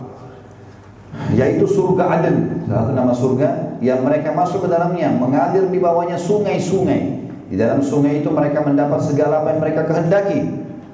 Demikianlah Allah memberikan balasan kepada orang-orang yang bertakwa. Ayat 32. Alladzina tatawaffahumul malaikatu tayyibina yaquluna salamun alaikum udkhulul jannata bima kuntum ta'malun. Yaitu orang-orang yang diwafatkan dalam keadaan baik oleh para malaikat dengan mengatakan kepada mereka salamun alaikum, keselamatan buat kalian, kebahagiaan. Masuklah kalian ke dalam surga itu disebabkan dengan apa yang kalian kerjakan. Terakhir teman-teman, kita tutup dengan ayat 33. Tentu masih panjang ayat ini. Saya cuma membuka pintu agar antum terbiasa mentadaburi ayat. Lihat ayat demi ayat luar biasa berbicara dengan akal dan hati kita. Hal yang duruna illa an ta'tiyahumul malaikatu aw ya'tiya amru rabbik kadzalika fa'ala alladziina min qablihim wa ma zalamahumullahu walakin kanu anfusahum yadhlimun. Tidak ada yang mereka tunggu-tunggu tuh orang kafir selain dari datangnya para malaikat kepada mereka pada saat mau cabut ruh atau datangnya perintah Tuhanmu maksudnya azab yang menyiksa mereka. Demikianlah yang di, telah diperbuat oleh orang-orang kafir sebelum mereka dan Allah tidak menganiaya mereka akan tapi mereka lah yang selalu menganiaya diri mereka sendiri. Tentu ayat ini agung sekali teman-teman sekalian. Kalau kita lanjutkan semuanya luar biasa tapi teman-teman sekalian, kenapa kita tidak mau beriman? Kenapa kita tidak masih mau beriman? Kenapa kita masih mau mungkiri? Karena akibat orang yang beriman dari para nabi-nabi, orang-orang soleh sebelum kita, bagaimana mereka dapatkan kebahagiaan di dunia, begitu kita akan dapatkan. Bagaimana mereka masuk surga, mereka juga kita akan dapat juga. Bagaimana kesudahan orang-orang kafir sudah jelas. Harta pun mereka kumpulkan habis semua di dunia dan di akhirat mereka masuk neraka. Kita ikut ini kita akan sama dengan mereka. Kita harus menentukan jalan kita yang benar dan bersyukurlah menjadi orang-orang yang beriman. Al-Quran punya 114 surah, ini baru satu surah dan baru 33 ayat dari 128 ayat. Belum kita baca semuanya. Semuanya teman-teman bertubi-tubi Allah perkenalkan dirinya. Mengingatkan, hati-hati, jangan, sudah ada sebelum kalian, tinggal patuh. Kalau orang beriman sama Allah teman-teman sekalian tidak makan, tidak minum, ya, tidak bisa tidur, nggak bisa berpakaian, nggak bisa berprestasi di dunia, Orang kafir Allah kasih semua mungkin masih agak sulit orang beriman. Enggak, orang beriman bahagia kok. Dan ini tema kita kita sampaikan waktu awal pertemuan indahnya menjadi orang soleh. Janji Allah terbuka. Dan terlihat dalam kehidupan para nabi-nabi saya katakan di Nabi SAW juga para sahabat Allah alaihim yang terpaparkan panjang lebar saya juga jadikan contoh-contoh semalam dari statement-statement mereka motivasi untuk jadi sukses. Islam tidak larang kita menjadi kaya raya, menjadi pintar, menjadi kejar prestasi tertinggi, silahkan. Yang penting halal. Allah tidak melarang. Bahkan disuruh kita berprestasi. Jadi orang beriman di dunia bahagia, di akhirat juga bahagia. Dan Allah kalau menghalalkan sesuatu teman-teman, Allah juga kasih haram tapi haram selalu lebih sedikit. Saya udah kasih contoh itu kan, kalau babi haram, Allah kasih ayam, kambing, sapi, kuda, kelinci, semua hewan di air, banyak gantinya. Jadi Allah bukain, jadi haram itu sedikit. Sama juga perbuatan-perbuatan haram ya. Bah, sedikit sekali sebenarnya. Cobaan-cobaan juga tidak banyak. Sekarang teman-teman, mana lebih banyak selama antum hidup yang hadir di sini? Sehat atau sakit? Sehat. Lihat rumah sakit di pinggir jalan, mana lebih banyak? Pasien di rumah sakit atau orang yang jalan di pinggir jalan? Orang pinggir jalan ruangan rumah sakit berapa kamar kan gitu. Jadi sebenarnya cobaan pun yang Allah kasih itu lebih sedikit daripada nikmat. Nikmat banyak. Banyak. Mana lebih banyak teman-teman? Mana lebih banyak kita lapar atau kita kenyang? Sekarang kita lapar sedikit, makan selesai. Sekian jam kita nggak lapar. Lebih banyak kita tidak haus daripada kita haus. Lebih banyak kita sehat daripada kita sakit. Lebih banyak nikmat Allah. Jadi berjaya orang beriman itu enak kok sebenarnya. Dan kalau kita juga ada cobaan, kita diajarkan caranya untuk keluar. Ada sabar. Nanti kita bahas di potongan definisi yang ketiga. Baik tentu poin ini teman-teman memang saya agak panjang menjelaskan karena saya ingin sekali menanamkan dalam diri saya tentu yang pertama baru teman-teman sekalian tentang masalah pentingnya tauhid. Itu kebahagiaan yang luar biasa mengenal Tuhan kita itu. Saya sedikit menambahkan di sini. Kan judul kita definisinya al-khawfu minal jalil, potongan pertama tadi. Takut kepada Allah. Bagaimana memunculkan rasa takut kepada Allah teman-teman sementara Allah tidak kelihatan? Ya kita memahami tentang hakikat la ilaha illallah tadi. Ternyata semua selain Allah makhluk. Tidak perlu takut sama mereka, tidak perlu bergantung sama mereka, tidak perlu cinta sama mereka. Yang sebatas kalau Allah suruh kita cintai, kita cintai. Allah larang-larang semua karena Allah. Kita patuh kepada perintah sang pencipta Allah. Nanti akan banyak contoh-contoh. Baik. Ada satu makhluk Allah namanya syaitan. Siapa syaitan ini teman-teman sekalian? Alam jin sama dengan alam manusia ini kan induk istilah ya.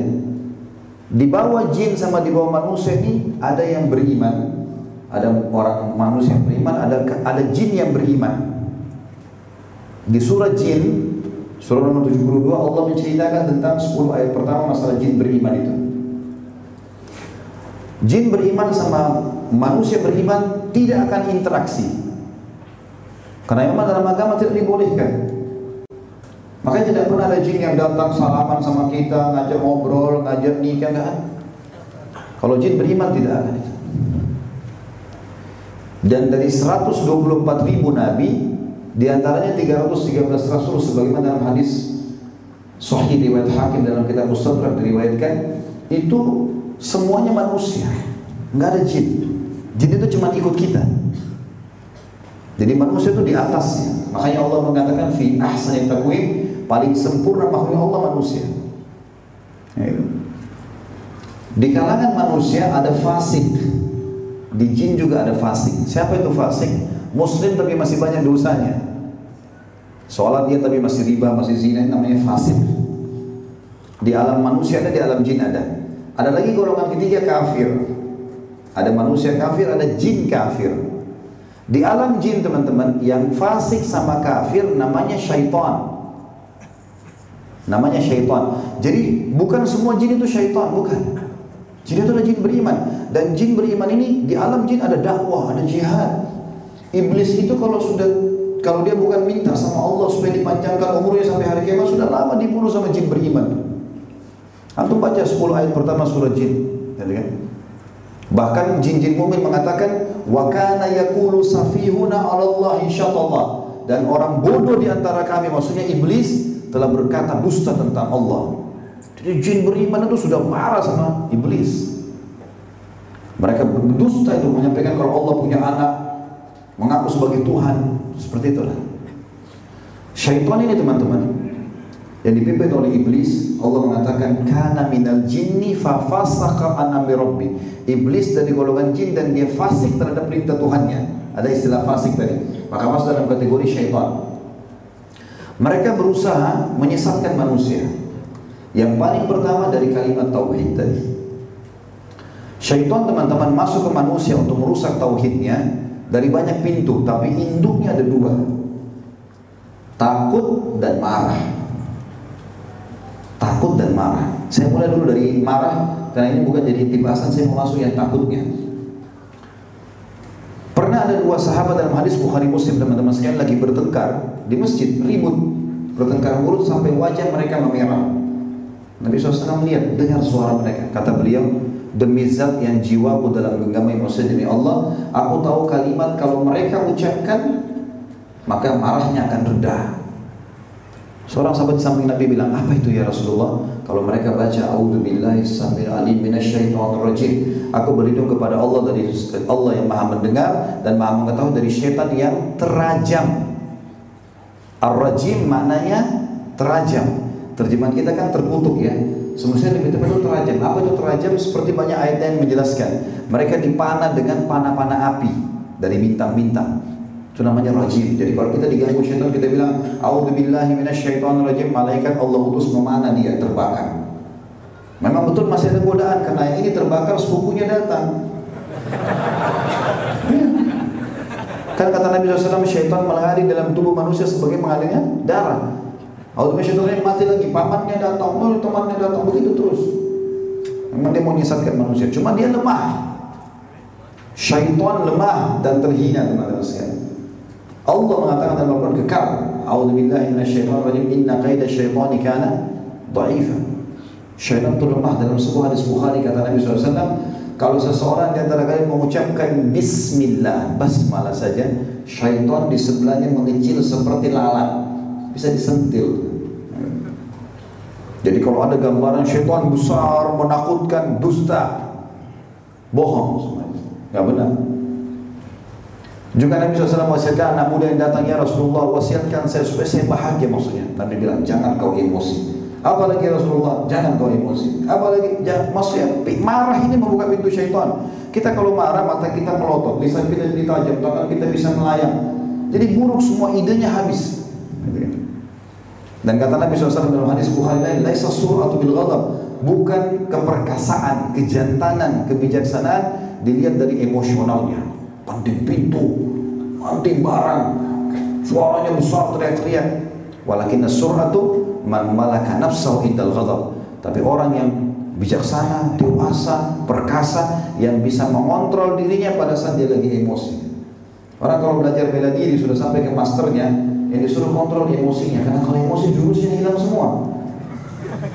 Yang suka cari-cari gara-gara di jalan itu orang yang baru belajar 2-3 jurus mau praktek. Kita masuk ke pintu yang kedua. Ini saya tidak terlalu panjang bahas. Ini yang saya titip rasa takut teman-teman. Syaitan paling suka masukkan rasa takut dalam diri manusia. Ini kalau ada syaitan di sini dia marah sama saya, tapi biarin aja. Kita bongkar kedoknya. Saya kasih contoh teman-teman sekalian. Dan sekaligus saya berikan pemahaman di sini dengan contoh supaya lebih jelas. Kalau seandainya ada rumah di rumah itu ada orang bunuh diri. Kira-kira antum mau beli rumahnya kan?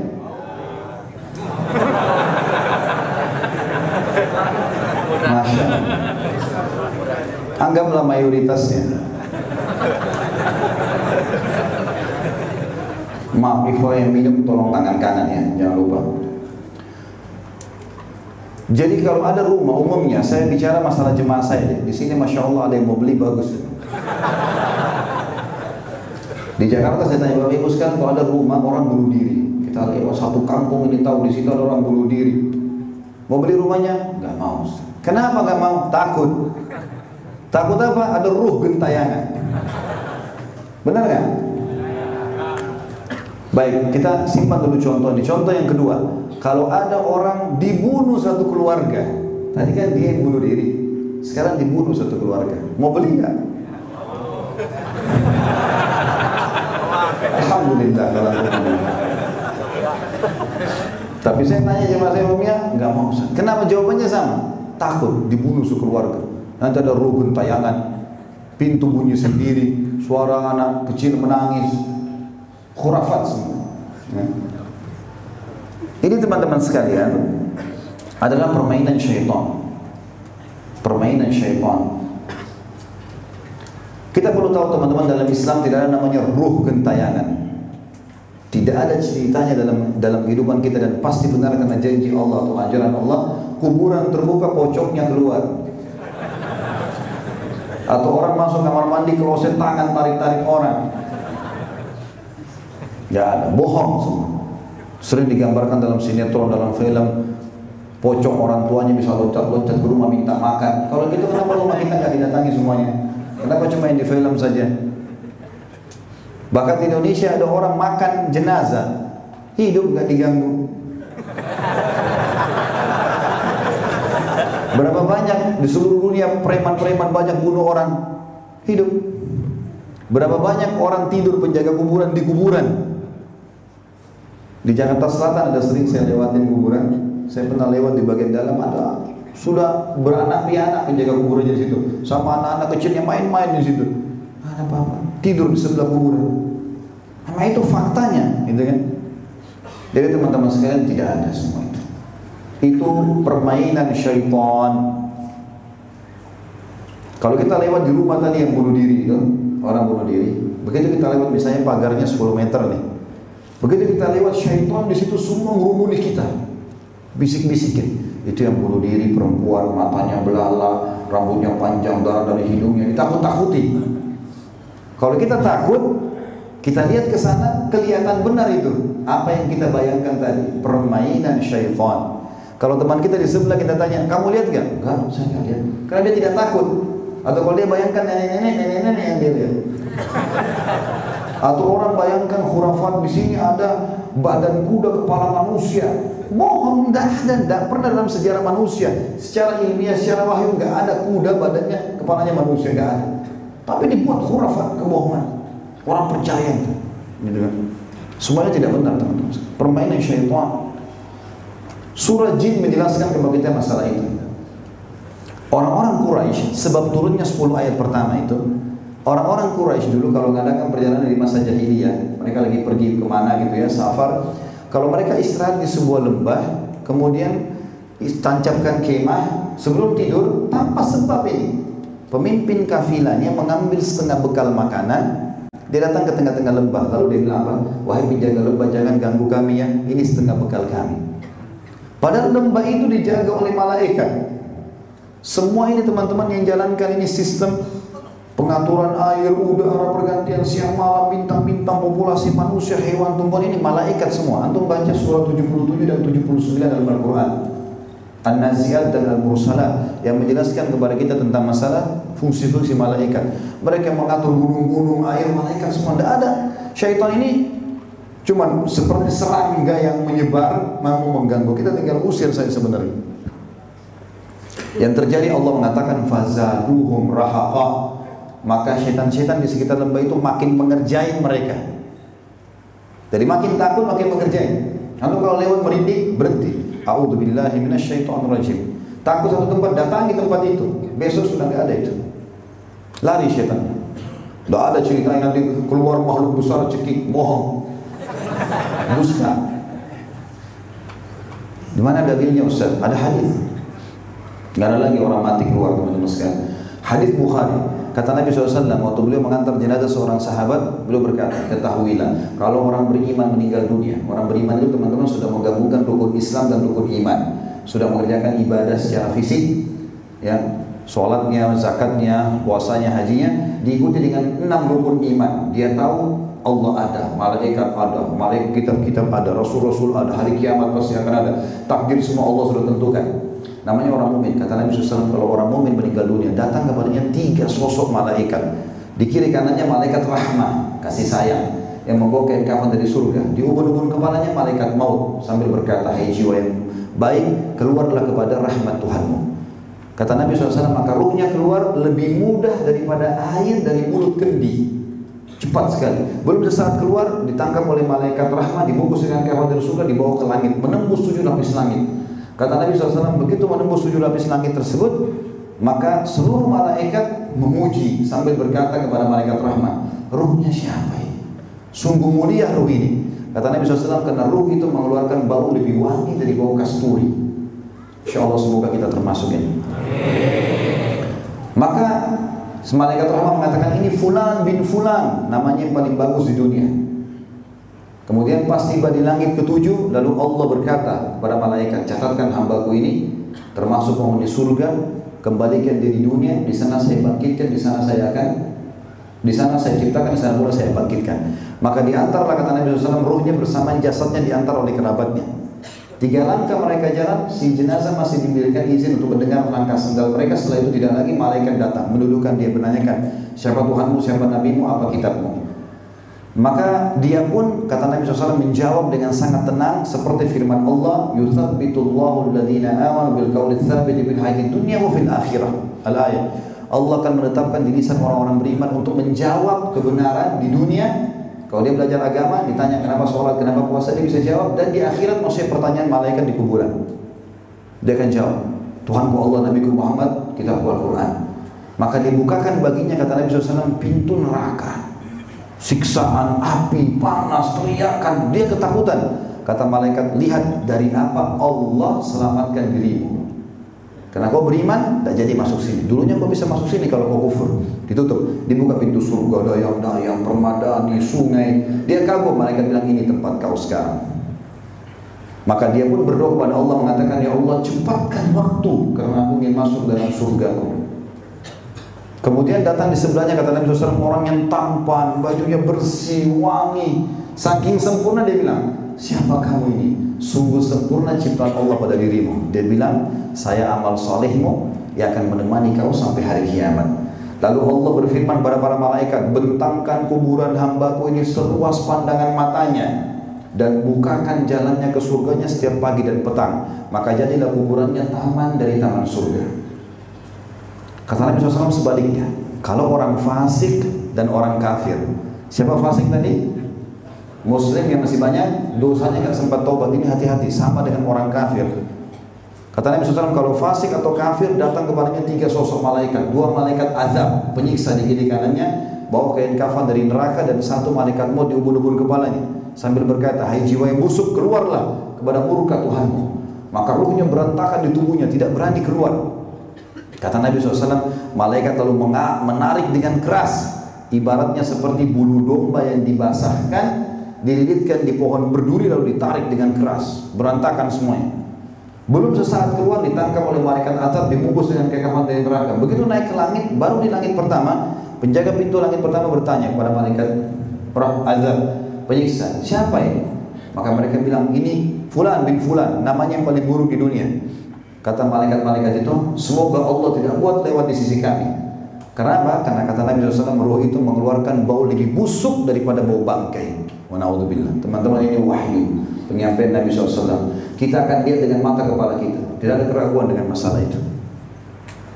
Maka setelah itu Allah berfirman, catatkan hamba ini termasuk penghuni neraka kembalikan diri di sana saya ciptakan, sana pula saya bangkitkan dikembalikan bersama jasadnya diantar oleh kerabatnya begitu masuk yang lahat teman-teman sekalian di jalan ke pengantar dia masih bisa dengan sendarnya setelah itu malaikat dudukan tanya siapa Tuhanmu siapa nabimu apa kitabmu maka dia menjawab ah ah indama aku luka makana ikulun nas saya nggak tahu saya nggak tahu dulu saya cuma ikut-ikut orang bilang apa bayangkan muslim tapi fasik begini jawabannya Biar antum hafal mati Tuhanku Allah, Nabi Muhammad, kita Al-Quran tidak bisa jawab. Menauzubillah. Lalu kemudian dibukakan baginya pintu surga. Tayang-tayang, permadani, nikmat, dia kagum. Malaikat bilang apa? Lihat dari apa kamu haramkan dirimu sendiri. Semua siapa bisa masuk sini? Kamu yang tidak mau. Ditutup, dibuka pintu neraka, siksaan. Ini tempat kau sekarang. Maka dia berdoa mengatakan, Ya Allah, jangan engkau cepatkan waktu. Karena aku tidak ingin masuk ke neraka. Sebelahnya datang orang buruk tampangnya, menakutkan, bau badannya nggak enak. Kemudian orang ini bilang, siapa kamu yang sungguh buruk ciptaan Allah pada dirimu, pergi dari saya. Kata dia, saya amal burukmu, zinamu, dustamu, ribamu, yang akan menemani kau sampai hari kiamat. Lalu dua riwayat Bukhari penutupan hadis mengatakan, lalu kemudian Allah pun memerintahkan sosok malaikat datang yang tidak punya pendengaran dan penglihatan. Bagaimana Allah alam? Tapi yang jelas itu penyampaian Nabi SAW. Yang membawa sebuah besi. Kalau besi itu seluruh jin dan manusia bersatu mau membalikkan miliaran jin, miliaran manusia. Mereka tidak mampu membaliknya saja. Yang akan dihantamkan ke orang ini maka hancur dia. Diutuhkan kembali. Hancur lagi sampai menjelang hari kiamat. Maka jadilah kuburannya lubang dari lubang neraka. Kalau tadi kan taman dari taman surga. Riwayat yang kedua riwayat Bukhari juga kata Nabi SAW maka Allah membuat dinding kuburannya menjepit tubuhnya sampai tulang rusuknya seperti ini. Dikembalikan lagi begitu terus sampai menjelang hari kiamat. Kata ulama hadis menggabungkan kedua hadis dia sampai dipukul sampai dijepit begitu terus sampai hari kiamat. Maka jadilah kuburannya lubang dari lubang neraka. Ini kondisi kuburan teman-teman sekalian. Tarik hadis ini kepada kasus tadi orang yang bunuh diri. Contoh tadi, orang kalau bunuh diri teman-teman, dosa atau enggak? Dosa. Dosa besar malah. Berarti orang bunuh diri sedang disiksa di kuburan. Enggak ada waktu gentayangan ganggu orang. Hah? Sudah paham belum? Jadi itu semua permainan syaitan. Enggak benar. Rumah tadi yang dibunuh sekeluarga, kalau dia muslim yang dibunuh sekeluarga, mati apa itu? Mati syahid. Kata Nabi SAW, siapa yang terbunuh karena hartanya, syahid. Siapa yang terbunuh karena kehormatannya, syahid. Gitu kan? Siapa yang mati karena penyakit di perutnya, syahid. Siapa yang mati kebakaran, syahid. Siapa yang tenggelam, syahid. Nabi semua sebutkan. Baik orang sekeluarga di rumahnya datang perampok bunuh, mati syahid. Kuburannya jadi taman dari taman surga. Jadi membeli rumahnya malah berkah. Ini juga orang bunuh diri nggak akan ada gentayangannya. Jadi membuat antum dengar suara cangkul, suara pintu syaitan. Dan gampang, tidak usah antum yang lawan. A'udzu billahi minasyaitonir rajim. Malaikat datang, tugasnya malaikat, bukan tugas kita. Allah kasih banyak bodyguard. Pakai jasanya. Gak usah kita yang repot. Kan antum biar mau tonjok nggak kena juga kan. Nggak kelihatan. Dari tugasnya malaikat itu. Ini teman-teman sekalian poin pertama dan memang agak panjang tapi saya akan ringkaskan poin-poin setelahnya tentang masalah bagaimana memahami hakikat la ilaha sehingga kita tidak perlu takut kecuali kepada Allah. Karena semua ini makhluknya. Ada poin lagi berhubungan dengan masalah ini juga perlu ditambahkan karena ini memang saya harus titik beratkan teman-teman sekalian untuk memunculkan rasa takut hanya kepada Allah kita harus yakin juga teman-teman sekalian, semua yang Allah perintahkan kepada kita dan semua yang Allah larang untuk kita lakukan itu pasti baik buat kita. Maksudnya yang halal semua baik, nikmatin udah. Makanan, minuman, pergaulan, pendapatan nikmatin. Semua yang Allah haramkan jauhi, pasti buruk buat kita. Tidak usah disentuh. Haram itu bukan untuk dicoba, untuk diketahui dan dihindari. Kau usah coba-coba zina, nikah aja. Gak usah coba-coba makan haram, makan yang halal. Gak usah coba-coba ini.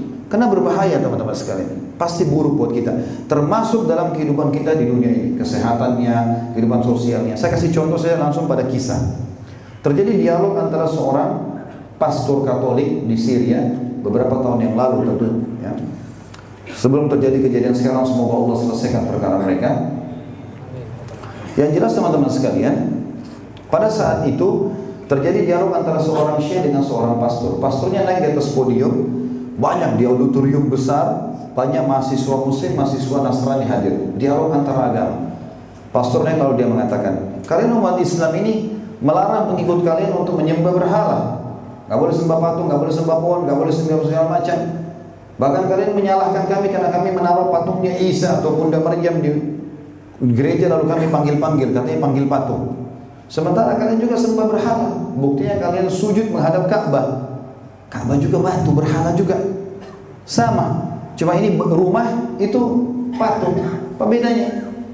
Secara akal mungkin ini benar saja, tapi lihat nanti bagaimana Allah memberikan jawaban yang benar dari lisan para ulama-ulama. Ya. Yang kedua, kalian mengatakan babi itu haram. Tidak boleh makan babi. Karena babi itu di antara salah satunya selain punya cacing pita sekarang dia makan kotoran. Memang babi subhanallah unik. Kita kalau kasih makanan bersih sama makanan dia pilih makanan kotor. Dia suka yang jorok-jorok gitu. Kemudian kalian bilang itu kena makan kotoran di antaranya baik. Saya akan buat peternakan babi terbesar di Eropa. Saya berikan minumannya susu, makanannya daging. Selesai. Enggak ada penyebab haramnya. Sementara kalian makan ayam, ayam juga makan kotoran.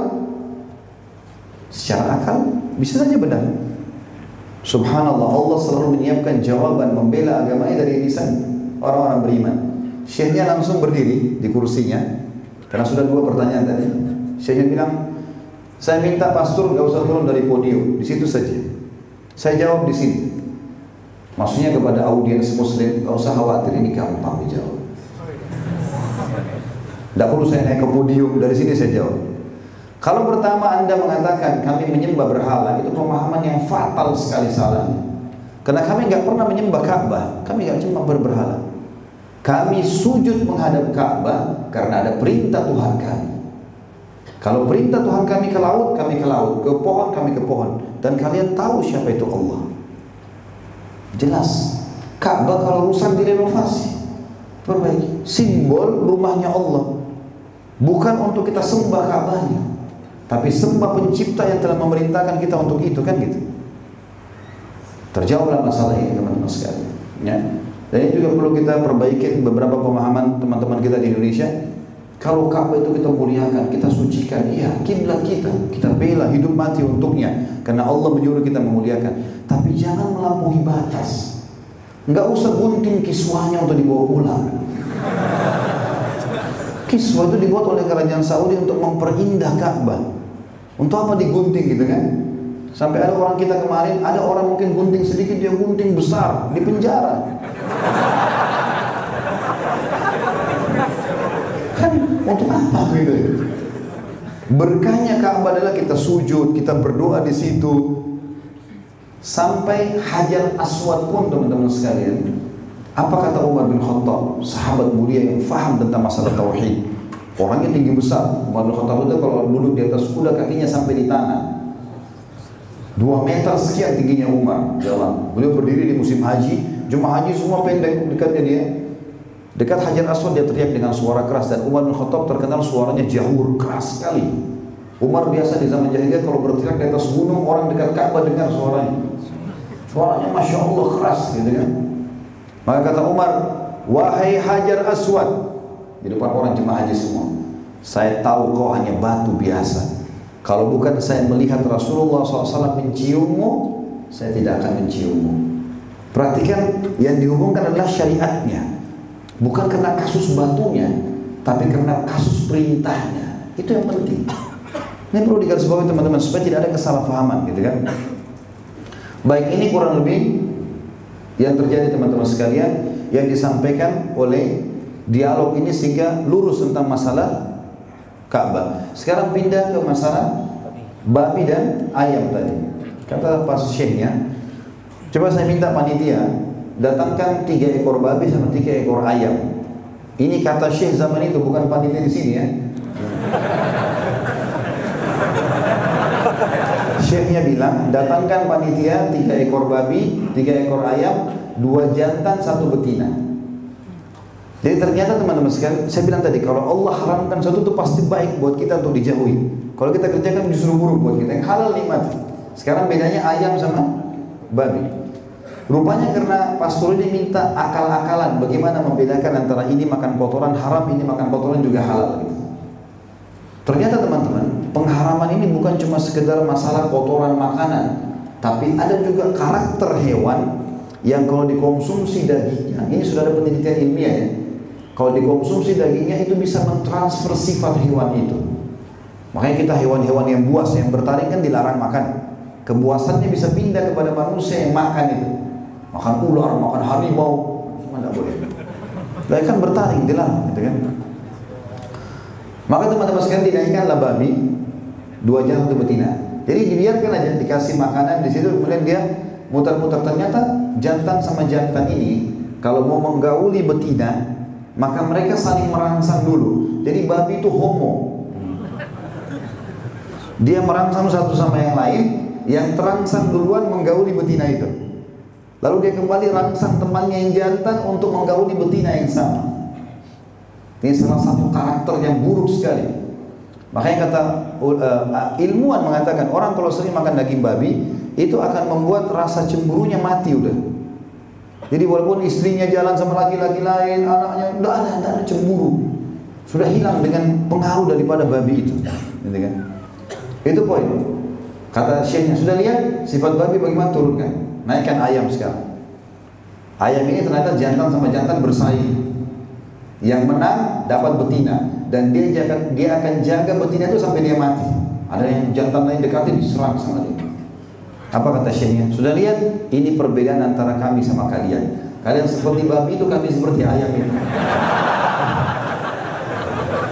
Kami dalam Islam punya mahram namanya.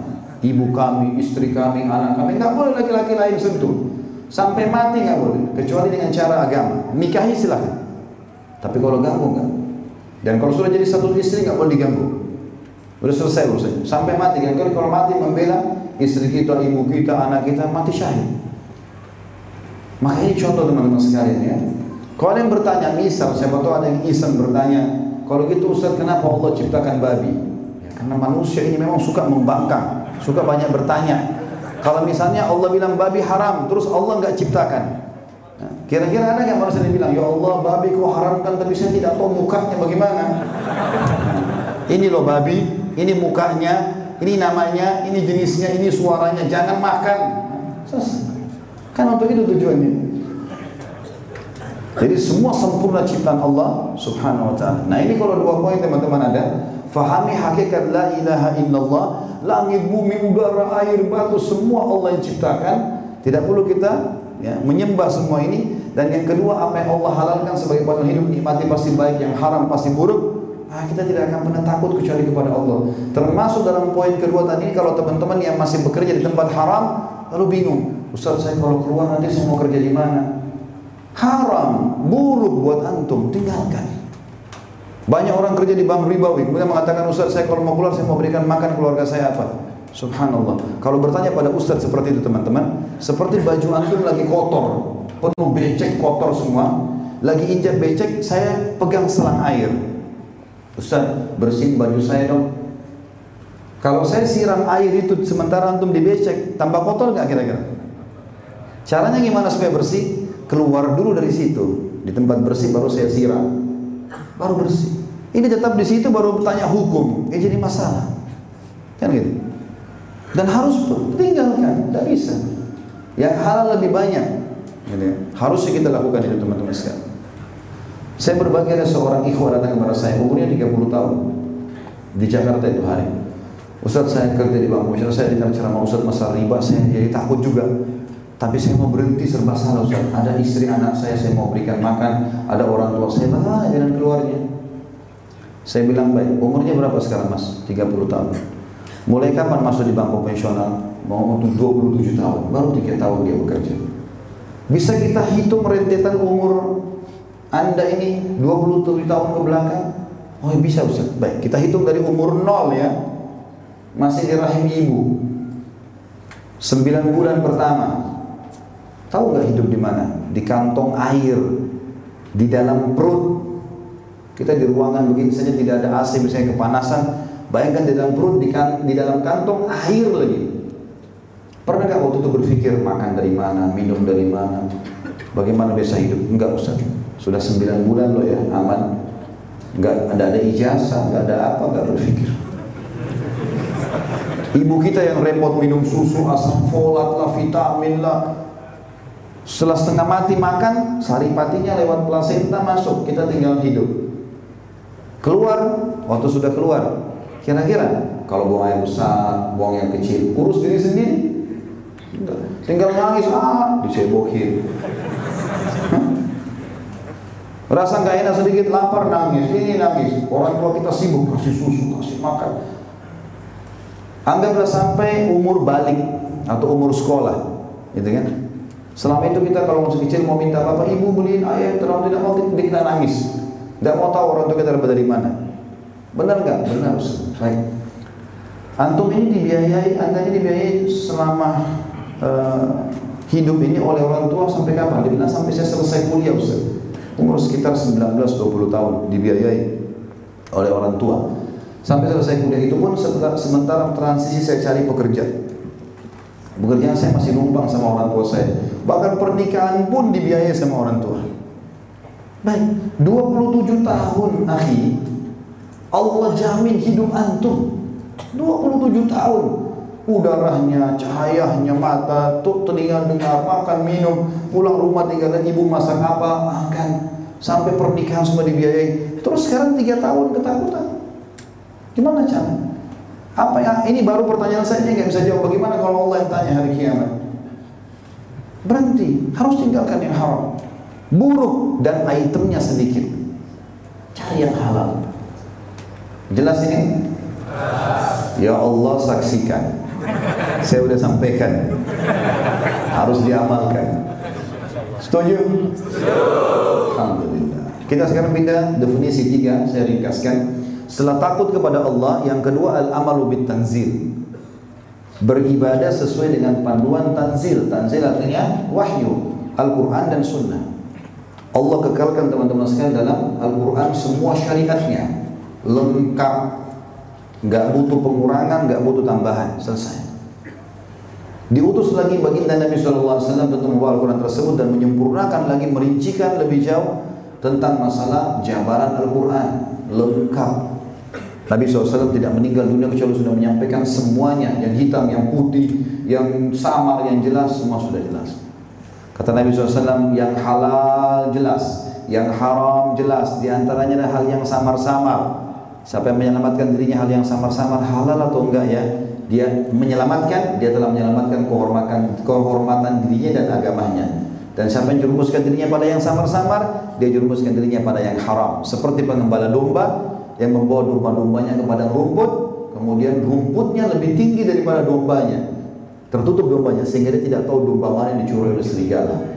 Berarti halal haram jelas. Syubhat pun masuk ke haram. Agama Allah sudah jelas. Semua panduannya, sholatnya, puasanya, zakatnya, semua ibadah, panduan hidup, ekonomi, politik harus ikut kepada wahyu. Kata Nabi SAW, Taraktu fikum amrani ma in tamassakum bihim alan tadillu abada kitabullah wa sunnati. Aku tinggalkan pada kalian dua perkara. Ya, kalau kalian berpegang teguh pada keduanya, maka perhatikan kalimat Nabi SAW, lan tadillu. Dalam retorika bahasa Arab teman-teman ada tiga ya Kata yang kalau dipakai berarti tidak. Ada la seperti huruf hijaiyah artinya tidak. Ada lam sama mim, lam artinya tidak pernah. Kalau ada yang ketiga, lam sama nun, lan artinya tidak akan pernah. Beda artinya. Maka Nabi bilang, lan tadillu abada. Tidak akan pernah kalian sesat, salah selamanya berpegang pada qala Allah, qala Rasul. Selesai urusannya. Itu panduan hidup kita. Dan para sahabat generasi emas umat ini, para tabi'in, tabi tabi'in, ulama mazhab yang empat semuanya berpegang pada wahyu ini. Panduan hidup. Maka ini takwa. Tidak usah buat-buat ibadah teman-teman dan tidak usah protes hukum Allah. Kenapa ya Allah buat duhur empat rakaat, asar empat rakaat? Coba seandainya Allah buat jam 2 satu kali saja empat rakaat. Loh Allah maunya begitu. Patuh saja. Masa antum kalau masuk di perusahaan, ini saya punya perusahaan. Salah seorang masuk jadi pegawai. Saya buat perusahaan ukurannya 10 kali 10. Misalnya ruangan kerja 10 kali 10 meter. Saya cat warnanya coklat. E, pasang lampu seperti ini. Saya pasang macam-macam komputer. Ada pegawai datang, kemudian dia lihat, kenapa ini warnanya begini? Gak bagus nih. Ya. Kenapa pintunya di situ? Kenapa begini? Dia protes. Kira-kira saya apakan ini orang? Pecat saya. Ngaco ini. Sudah lahir di muka bumi jadi tamu, protes-protes. Kenapa begini, kenapa begitu? Jadi orang patuh. Kerjain perintah selesai. Pegawai yang patuh dapat maksimal gajinya. Gak banyak bertanya, ini pekerjaan mau baik. Kerjain, selesai. Begitu aja simpelnya kok orang beriman itu. Yang ketiga, teman-teman sekalian adalah ar-ridha bil qalil. Ridho terhadap apa yang Allah berikan walaupun sedikit di mata kita. Kita bicara sedikit masalah konsep dulu di sini teman-teman. Bagaimana menambah nikmat yang kita kenal dengan syukur ya. Kata para ulama manusia itu ada tiga tingkatan. Ada manusia yang bobrok sekali. Diberikan nikmat tidak pernah bersyukur Tiap hari bangun sehat, matanya masih bisa melihat, telinganya masih bisa mendengar, kakinya masih bisa melangkah, fungsi anggota tubuhnya masih berfungsi, nggak pernah lisannya mengatakan Alhamdulillah. Diberikan cobaan lebih parah lagi, berkeluh kesah. Ini orang yang buruk teman-teman sekalian. Yang kedua, standar. Dan ini bagus, orang beriman. Sebagaimana sabda Nabi SAW, ajaban di amri mu'min. Sungguh mengagumkan perkara orang mukmin. In asaba sarra syakar. Kalau diberikan nikmat dia bersyukur wa in asaba dharra sabar. Kalau diberikan cobaan dia bersabar. Wala yakunu dzalika illa lil mu'min. Dan itu tidak terjadi kecuali bagi orang-orang beriman. Ini standar. Ada nikmat, alhamdulillah. Ada cobaan, sabar. Apa itu sabar, teman-teman? Terima takdir Allah dan ikhtiar cari jalan keluar. Sabar itu bukan elus dada duduk manis kan. Saya sakit ini, ya sudah duduk aja sabar dah. Keliru. Sabar itu terima takdir Allah, kita bangun pagi flu. Oh Allah lagi coba saya, terima dulu. Ikhtiar, minum obat, minum air hangat, itu namanya sabar. Orang utang nggak bayar, Sabar. Bagaimana sabarnya? Tagih dia, ingatkan dia, kena kemungkaran. Gitu kan?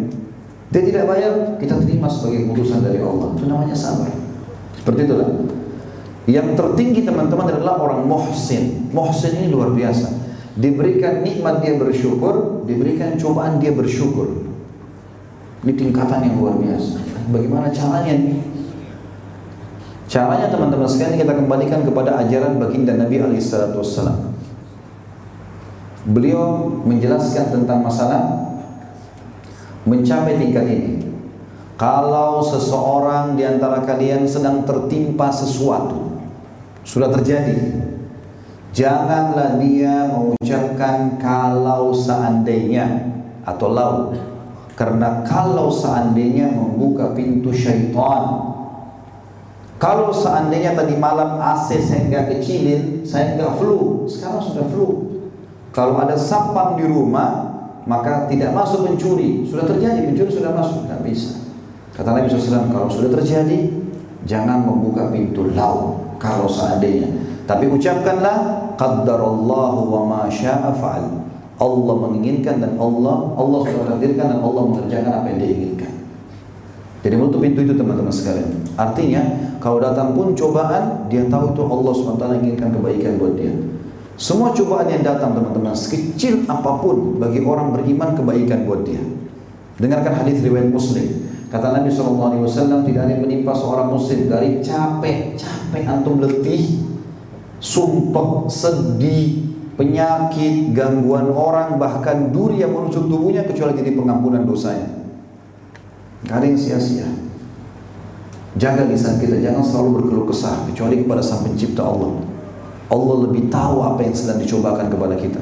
Kata para ulama, indahnya cobaan teman-teman, di surga kemungkinan ada derajat istana, fasilitas kita harus beribadah 100 tahun. 100 tahun bakti sama orang tua, 100 tahun puasa, 100 tahun sholat. Berat sebenarnya, umur kita cuma 60, tapi Allah mau kita capai itu. Bagaimana caranya? Allah uji kita dengan 10 tahun sakit. Meringkas yang tadinya 40 tahun yang mungkin umur kita tidak sampai ke sana. Makanya kata Nabi SAW dalam hadis yang sahih riwayat Bukhari, kalau Allah mencintai seorang hamba, Allah pasti mengujinya. Kan derajat dia, membersihkan dosa-dosanya. Dan orang teman-teman kalau dalam cobaan, kita seperti sedang berada di sebuah jalan yang sangat terawasi. Karena kita jadi tidak mau salah. Gitu. Orang kalau lagi sakit, dia sama temannya ke diskotik, dia tidak bakal mau pergi. Sakitnya membuat dia terhalang dari itu. Meringkas mayoritas umurnya itu dalam ketaatan. Ada satu orang di Riyadh sakit, tabrakan mobil kakinya patah, dipasangin gip, dipasangin semen, digantung kakinya dua tahun. Ada satu syekh tiap hari, tiap minggu dia keliling rumah sakit pamit sama pimpinan rumah sakit. Saya mau kunjungi saudara-saudara saya muslim untuk satu menit dua menit uh, nasihatin doain saya pergi. Masuk kamar anak muda ini. Saya bilang salam sabar ya Insya Allah ini akan menjadi derajat segala macam. Dia bilang Syekh, Alhamdulillah, saya bersyukur saya kena cobaan ini. Kata Syekh, kok bisa? Dari semua pasien ini mereka mengatakan jazakallah khair, memang kami harus butuh sabar. Ini enggak, Alhamdulillah terjadi pada saya. Kakinya patah, dua tahun udah digantung. Kata Syekh, bagaimana kok bisa bersyukur? Dia bilang, Syekh, demi Allah sebelum terjadi ini, saya orang lalai, gak pernah sholat, gak pernah baca Quran, lalai. Pokoknya selalu kesalahan-kesalahan saya lakukan. Setelah tabrakan ini, saya masuk di sini. Awalnya Syekh bulan pertama saya menangis, berkeluh kesah, kesulitan. Kenapa terjadi? Tapi karena mau tidak mau, saya tak bisa. Keluarga saya ada bisa bantu. Dokter pun semua angkat tangan, cuma bisa dilakukan seperti ini. Maka satu waktu Syekh saya mulai melihat Al-Quran ada di meja, saya minta, mulai saya baca. Dan perlu anda tahu, setelah dua tahun ini saya dicoba sama Allah ini, saya hafal 30 juz. Saya selalu sholat walaupun diranjang on time. Lisan saya selalu berzikir, Alhamdulillah cobaan ini datang. Jadi betul-betul meringkas orang dalam ketaatan. Jadi kan? Jadi jangan berkeluh kesah teman-teman. Cobaan itu pasti akan mampu kita lalui karena Nabi SAW mengatakan apa? Allah tidak akan menguji hambanya melampaui kapasitasnya. Pasti bisa. Kaidah hidup dalam masalah ini teman-teman, supaya kita selalu bersyukur. Ya. Itu kata para ulama adalah kalau diberikan nikmat oleh Allah, lihat orang yang di bawah kita. Jadi misal kita punya motor, lihat orang yang jalan kaki. Kita punya mobil, kita lihat orang yang pakai motor. Kita punya satu mobil, lihat orang yang punya motor. Belum punya, kita punya dua mobil, lihat orang yang satu mobil. Tahun mobil kita 2015, lihat orang yang tahun 2000. Jangan lihat orang yang 2017. Jangan lihat orang yang di atas, karena kita tidak bisa bersyukur. Kita lihat orang yang di bawah. Ya. Kalau diberikan cobaan, lihat orang yang di atas. Terbalik, diberikan nikmat dan orang yang di bawah, diberikan cobaan yang orang di atas. Kalau kita flu, ada orang flu dan demam. Kita flu dan demam, ada orang flu demam rematik. Kita flu demam rematik, ada orang stroke. Ya. Kita stroke, ada orang meninggal. Di situ kita bisa memahami bagaimana nikmat Allah yang ada. Ini potongan definisi yang ketiga. Yang terakhir teman-teman sekalian definisi yang keempat adalah istidalul yaumir rahil. Yang pertama al khauf minal jalil, takut kepada Allah sudah kita rincikan bagaimana takutnya. Yang kedua al amal bit tanzil, beribadah sesuai dengan wahyu, ar-ridha bil qadir, ridha terhadap apa yang Allah berikan walaupun sedikit di mata kita. Dan yang terakhir adalah istidalul yaumir rahil, punya persiapan untuk pulang. Teman-teman sekalian kita coba bermuhasabah beberapa detik ke depan. Ada satu kalimat empat huruf yang banyak orang lalaikan, mati. Mati ini teman-teman adalah masa transisi seseorang pindah dari alam dunia yang sebentar kepada alam abadi di akhirat. Bagi orang mukmin, mati itu awal segalanya, bukan akhir segalanya. Saya ulangi, mati adalah awal segalanya karena dia sedang menuju kepada kehidupan abadi. Itu awal kehidupan abadinya dan bukan akhir segalanya. Makanya kalau ada orang yang meninggal pun Bukan cuma meninggal teman-teman, para sahabat Nabi Ridwanullahi alaihim, kalau ada di antara mereka yang sakit keras mau mati, tahu apa sahabat-sahabat Nabi yang lain datang? Ucapkan? Berita gembira, kamu akan menyusul kepada kehidupan abadi, kamu akan bertemu dengan Rasulullah SAW dan orang-orang saleh. Perhatikan, jadi mereka yakin betul mati itu adalah keabadian, baik asal dia beriman. Ada seorang tabiin pernah didatangi oleh temannya, dia lagi sakit keras, dia tahu dia sudah akan meninggal dunia, maka maksudnya dia sudah merasa itu kemudian dia bilang perjalanan jauh sedikit amal kata temannya apakah selama kau hidup kau berada di atas sunnah Rasulullah SAW selama hidup selalu kepanduanmu, pakaianmu, makananmu, hidupmu, menikahmu, rumah tanggamu, segala macam eh, apa namanya ekonomi, semuanya ini sesuai dengan sunnah. Kata dia iya. Kata temannya, mati kapan saja kau mau. Tidak usah khawatir. Janji Allah benar. Jadi orang beriman bagi mereka mati itu keabadian, bagus. Ya. Kalau dia kurang amal juga masih bisa diperbanyak oleh ahli warisnya, kerabatnya dengan doa, dengan istighfar, dengan haji dan umroh yang ada dalilnya menceritakan masalah itu. Seperti itulah. Kalau orang kafir memang ini bahaya sekali bagi mereka. Mati adalah akhir segalanya bagi dia. Di dunia dia tinggalkan, di akhirat dia siksa abadi. Ini luar biasa bahayanya. Teman-teman sadarlah kalau mati itu pasti akan datang dan mati itu tidak harus kita masuk ruangan ICU. Banyak orang berpikir nanti mau ruangan ICU baru dia mati enggak teman-teman. Mati tidak mengenal sehat atau sakit, muda atau tua, kaya atau miskin, gagal atau jelek. Ada urusannya. Kalau mati sudah datang teman-teman akan mencabut ruh siapa pun. Dia sangat misterius dan ditahu kapan datang. Jangan lalai. Orang beriman bahagia, tapi orang fasik sama orang kafir ini bahaya buat mereka. Saya pernah mengatakan pelatihan waktu itu di kota Makassar tentang masalah kematian di satu masjid yang masya Allah juga ramai yang datang. Setelah dua jam lebih saya bicara masalah kematian, prosesinya segala macam. Saya minta panitia tolong siapkan kain kafan sama ke, sama kebutuhan jenazahnya, kain kafasnya segala macam, taruh di meja, dan siapkan buat saya gerandanya jenazah. Galikan buat saya di sebelah masjid yang lahat ini sebelum taklim, sebelum tablik akbar. Waktu selesai saya isi dua jam lebih materi. Alhamdulillah itu masalah kematian. Saya bilang sekarang bapak ibu sekalian ibu-ibu kebetulan di lantai dua. Ada panitia perempuan sendiri. Ikhwan dan bapak-bapaknya di lantai satu masjid itu.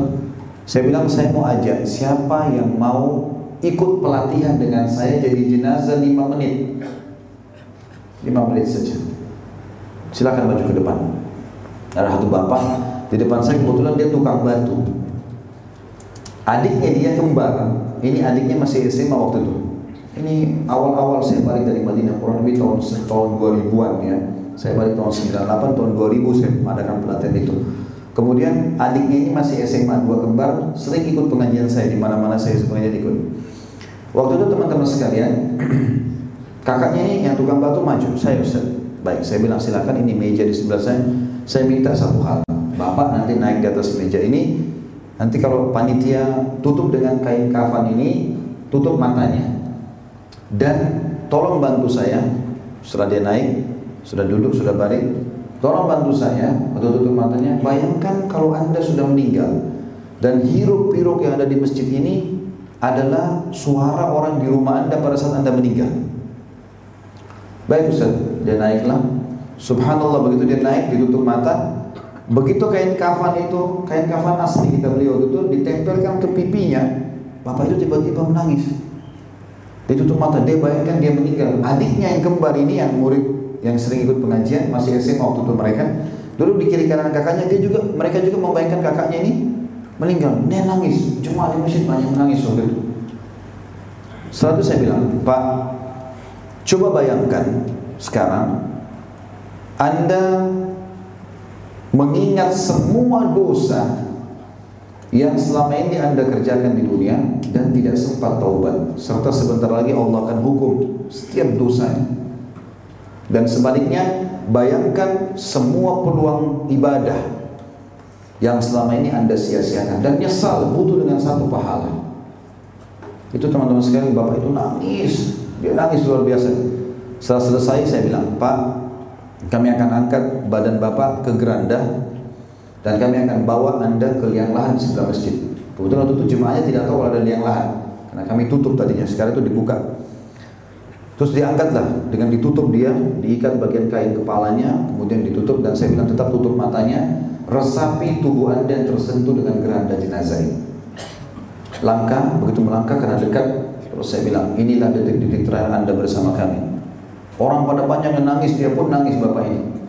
Keluar di luar, saya turun sendiri ke liang lahannya. Saya buatin gumpalan tanah, seperti sunnah Nabi SAW membuat gumpalan tanah lalu menaruh di bagian kepala. Saya taruh kemudian diturunkan sampai Bapak jangan buka matanya, resapi pegangan tangan-tangan. Ya. Panitia ini akan turun kanan dari taruh, tutup detak matanya begitu ditaruh. Saya keluar sama teman-teman ditutup dengan kain. Terus saya bilang, Pak buka matanya sekarang. Inilah rumah anda sekarang satu kali dua meter. Semewah apa pun rumah akan ditinggal.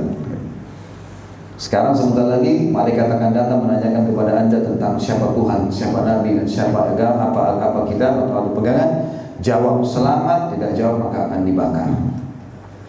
Selesai, saya bilang sama panitia, sudah selesai pak, dibuka kainnya, diangkat dia untuk dilepas dari kain kembali. Itu waktu dia lepas dari kain kafan, sempoyongan dia jalan. Masuk masjid, saya sempat pegang, maju ke depan.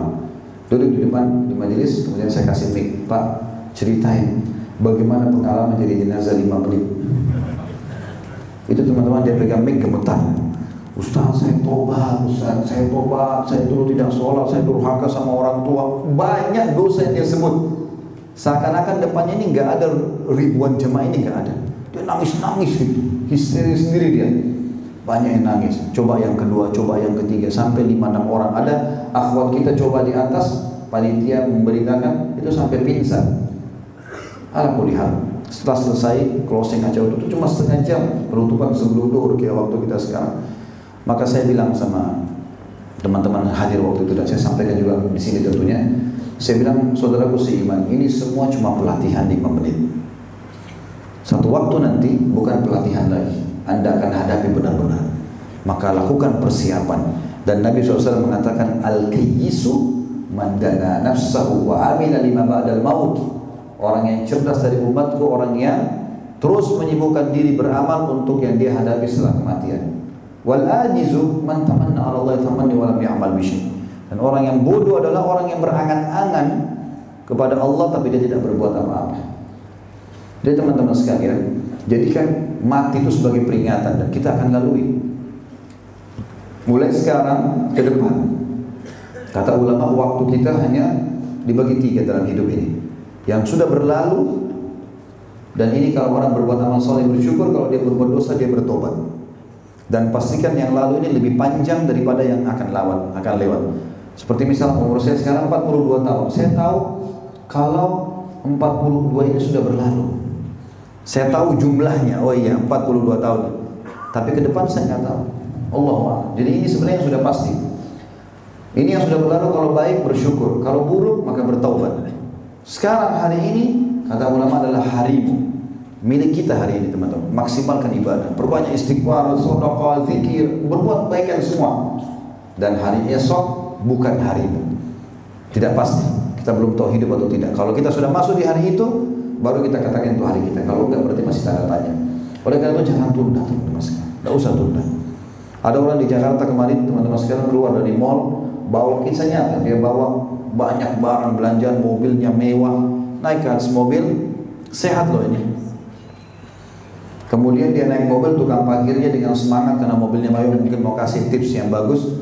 Begitu naik di mobil, ya, subhanallah, dia tiba-tiba saja, ya, tukang parkir tiup sufritan, dia starter mobilnya lalu tiba-tiba dia injak gas karena mobilnya dihimpit dengan dua mobil depan sama belakang, dia injak gas dengan keras, menabrak mobil di belakang sampai rusak parah mobil di belakang. Tukang parkirnya tadi baik sama dia tiba-tiba jadi marah. Pak, masa nggak lihat? Tapi uniknya gasnya mobil ini nggak mati terus saja ketabrak dan ketekan gitu kan dia ketuk kaca nggak dibuka dibuka ternyata orang itu sudah meninggal baru bawa barang belanjaan dari mall nggak kenal umur teman-teman sekalian jadi kalau kita sudah punya persiapan kita akan hitam untuk itu tapi kalau enggak maka rugilah kita menyesal teman-teman sekalian jangan tunggu penyesalan menyesal yang luar biasa kalau orang melalaikan dirinya dari ketaatan kepada Allah Subhanahu wa taala. Allahu a'lam. Inilah teman-teman sekalian empat potongan definisi takwa yang semestinya kita jaga. Al khawfu minal jalil, hanya takut kepada Allah dengan rinciannya tadi. Wal amalu bil tanzil, beribadah cukupkan dengan wahyu. Wal ridha bil qalil, selalu bersyukur dalam segala keadaan dan istidal lahir punya persiapan untuk menghadapi hari kematian akan membuat kita menjadikan betul-betul takwa sebagai bekal, mendapatkan keutamaannya dan juga tentu kita akan merasa terawasi dan terkontrol oleh Sang Pencipta Allah Subhanahu wa taala. Dan dalam masalah ini teman-teman sekalian banyak sekali contoh-contoh yang berhubungan dengan masalah ketakwaan ini, ya, ketakwaan ini. Saya tutup materi kita dengan kisah yang kisah ini tentu banyak sekali kisah yang berhubungan dengan kesolehan seseorang. Tapi yang jelas di antara kisah-kisah ini atau semua kisah ini menceritakan tentang bagaimana ketakwaannya seseorang. Bagaimana dia akan mendapatkan hasil yang maksimal. Dan saya mohon maaf kalau kisah ini pernah mungkin ada teman-teman yang mendengarkan di YouTube karena ada di mungkin preview tapi yang jelas kita mengulangi tapi yang jelas mengulangi ilmu itu manfaatnya juga besar karena dalam pepatah para ulama mengatakan ilmu yang sering diulangi maka pasti akan lebih berbekas dibandingkan ilmu yang cuma didengar sekali maka dia akan lebih cepat hilang gitu kan? kisah ini teman-teman sekalian adalah kisah seorang anak muda di negeri Syam Tepatnya di kota Damaskus, ibu kota Syria, kejadian di Masjid At-Taubah di zaman tabi'in, tabi tabi'in, generasi ketiga emas. Anak muda ini teman-teman dari datang dari luar Damaskus, datang ke masjid tersebut, dia mau belajar dengan imam masjid ini seorang alim ulama, tapi saya tidak temukan nama mereka dalam kisah ini, cuma dikatakan dia datang kepada masjid itu, kemudian dia mengatakan, imam, imam itu kalau kita kiai, ustadz ya, saya jauh dari Syria, saya mau belajar agama. Tapi saya orang miskin, nggak ada sama sekali biaya untuk hidupin diri saya. Bisa nggak saya numpang di masjid ini, hidup bersama anda sambil saya belajar? Kata syekhnya, boleh, silahkan. Tapi maklumi keadaan saya. Saya pas-pasan juga. Makan apa yang saya makan, minum yang saya minum, sambil bantu bersih-bersih masjid. Dia bilang baik, setuju. Berjalan beberapa bulan teman-teman sekalian, anak muda itu menceritakan kejadiannya. Dia bilang, Syekh saya ini orangnya luar biasa nggak mau bergantung dengan manusia. Di antara hal yang sering dia temukan adalah kalau tidak ada makanan syekhnya nggak mau merengek sama orang. Kalau makanan dia puasa saja. Kata dia, sekarang ini kata Nabi ini sudah tiga hari kami nggak punya makanan. Jadi kami kami puasa. Sahur cuma sebutir kurma dengan segelas air, buka puasa juga begitu. Ini sudah hari ketiga. Saya sangat lapar. Saking laparnya saya bungkukan punggung saya lalu saya tekan perut saya. Karena laparnya luar biasa dan saya tidak bisa lagi konsentrasi tangkap apa yang disampaikan karena begitu laparnya. Dalam kondisi seperti itu syaitan datang menggoda saya sambil berkata, Hai anak muda sekarang sudah halal untuk kau mencuri. Makanan syekhmu nggak punya, gurumu nggak punya makanan, kau nggak punya makanan, minta-minta juga dilarang. Curilah makanan yang bisa kau hidup dari situ. Dia bilang dalam kondisi saya sangat kelaparan, akhirnya saya berpikir untuk itu. Kebetulan zaman itu masjid sama rumah berdempetan dan zaman itu biasanya eh, batang-batang kurma ditebang atasnya tebang akarnya ditancapin. Kemudian baru disusun jadi tembok. Rumah orang sama masjid biasanya satu tembok satu tembok berdekatan. Dia naik ke tembok masjid ingin mencuri makanan di rumah sebelah. Dia bilang begitu saya lihat rumah sebelah, kena atapnya pakai pelapa-pelapa kurma, daun-daun kurma gitu kan. Jadi bisa kelihatan. Saya lihat di situ ada tiga perempuan muslimah sedang menenun kulit domba dan tidak pakai jilbab, tidak tutup auratnya. Karena dia orang beriman, dia tahu sebenarnya. Dia mengatakan, saya tahu itu haram dan itu bukan tujuan saya. Saya pindah ke rumah kedua. Ingin cari makanan. Rumah pertama tadi ada penghuninya. Begitu dia tiba rumah kedua dia bilang saya lihat dari atap nggak ada orang. Saya cium ada bau masakan, saya turun, kemudian saya langsung ke dapur, ditemukan ada panci yang lagi dipakai memasak. Dia bilang sementara lagi dipakai masak, pakai kayu bakar, saya buka ada dua buah terong yang sudah matang. Jadi sebenarnya kisah ini tulisannya judulnya kisah terong. Jadi dia bilang saking laparnya saya ambil terong tersebut lalu saya langsung makan. Karena sudah sangat lapar. Tapi subhanallah sementara saya makan mau tunggunya sebelum saya telan Alhamdulillah Allah munculkan ketakwaan saya. Ada ketakutan kepada Allah. Bagaimana bisa saya bisa melakukan tiga dosa sekaligus? Masuk rumah orang tanpa izin dosa. Mencuri, mengambil terong itu dosa. Sekarang di mulut saya sedang ada makanan haram. Tiga dosa sekaligus dan begitu cara syaitan menyesatkan kita teman-teman. Syaitan itu tidak akan membuat kita buat dosa satu. Kalau sudah mabuk, disuruh nanti zina, suruh membunuh, suruh mencaci maki, dosanya banyak. Maka dia bilang, saya langsung buang gumpalan itu, padahal saya sangat lapar. Lalu saya kembali ke masjid. Rasa takut kepada Allah lebih lebih mendominasi. Sebagian ulama menanggapi kisah ini mengatakan kalau seandainya dia telan mungkin sudah halal buat dia karena dia kelaparan, dia akan meninggal. Tapi dia menjaga ketakwaannya. Dia pulang ke masjid. Dia bilang guru saya lagi sampaikan pengajian saya bisa konsentrasi dengan. Setelah bubar, waktu itu juga baru hitungan berapa menit nih. Dia duduk, dia bilang, saya kemudian uh, lihat orang pada bubar, saya duduk sambil menekan punggung saya agar perut saya tertekan. Lalu tidak lama kemudian ada satu perempuan bercadar masuk ke masjid, berbicara sama guru saya. Saya nggak tahu apa yang sedang dibicarakan. Gak lama kemudian guru saya waktu tundukkan pandangan dia langsung angkat ke depan. Dia nggak lihat ke arah perempuan itu. Lalu dia bilang, ke sinilah muridku. Saya dipanggil lalu saya pun mendekat. Dia bilang. Lalu guru saya tanya, apa kau sudah menikah? Dia bilang belum. Ditanya sama gurunya, apa kau ingin menikah? Muridnya diam, dua kali diam, tiga kali diam. Yang keempat kali guru tanya, saya tanya, kau mau menikah atau tidak? Dia bilang, hai imam, hai guru gitu kan. Anda tahu hidup saya setelah Allah SWT bergantung pada Anda. Apa yang Anda makan, saya makan. Apa yang Anda minum, saya minum. Sekarang tiga hari kita nggak punya makanan dan minum. Bagaimana saya hidupi nanti istri saya kalau saya menikah? Kata syekhnya, ini di sebelah saya perempuan ini baru berkeluh kesah. Dia wanita yang baru ditinggal meninggal suaminya dan masa iddah 4 bulan 10 hari sudah selesai. Kan kalau masa iddah cerai tiga kali masa haid tiga bulan. Kalau ini masa meninggal suami 4 bulan 10 hari. Sudah selesai Ditinggalkan harta yang cukup dan dia tidak punya keturunan. Rumahnya ada. Dia takut fitnah, dia minta dicariin jodoh. Saya anggap kau yang cocok kalau mau nikah. Mau sama ini? Dia bilang, iya saya mau. Tanya perempuan, mau nikah sama perempuan? Saya mau. Gurunya ambil kendi dari kamar, dikeluarin. Panggil walimu, dipanggil ayahnya Panggil keluarganya perempuan ini. Dua saksi, nikah.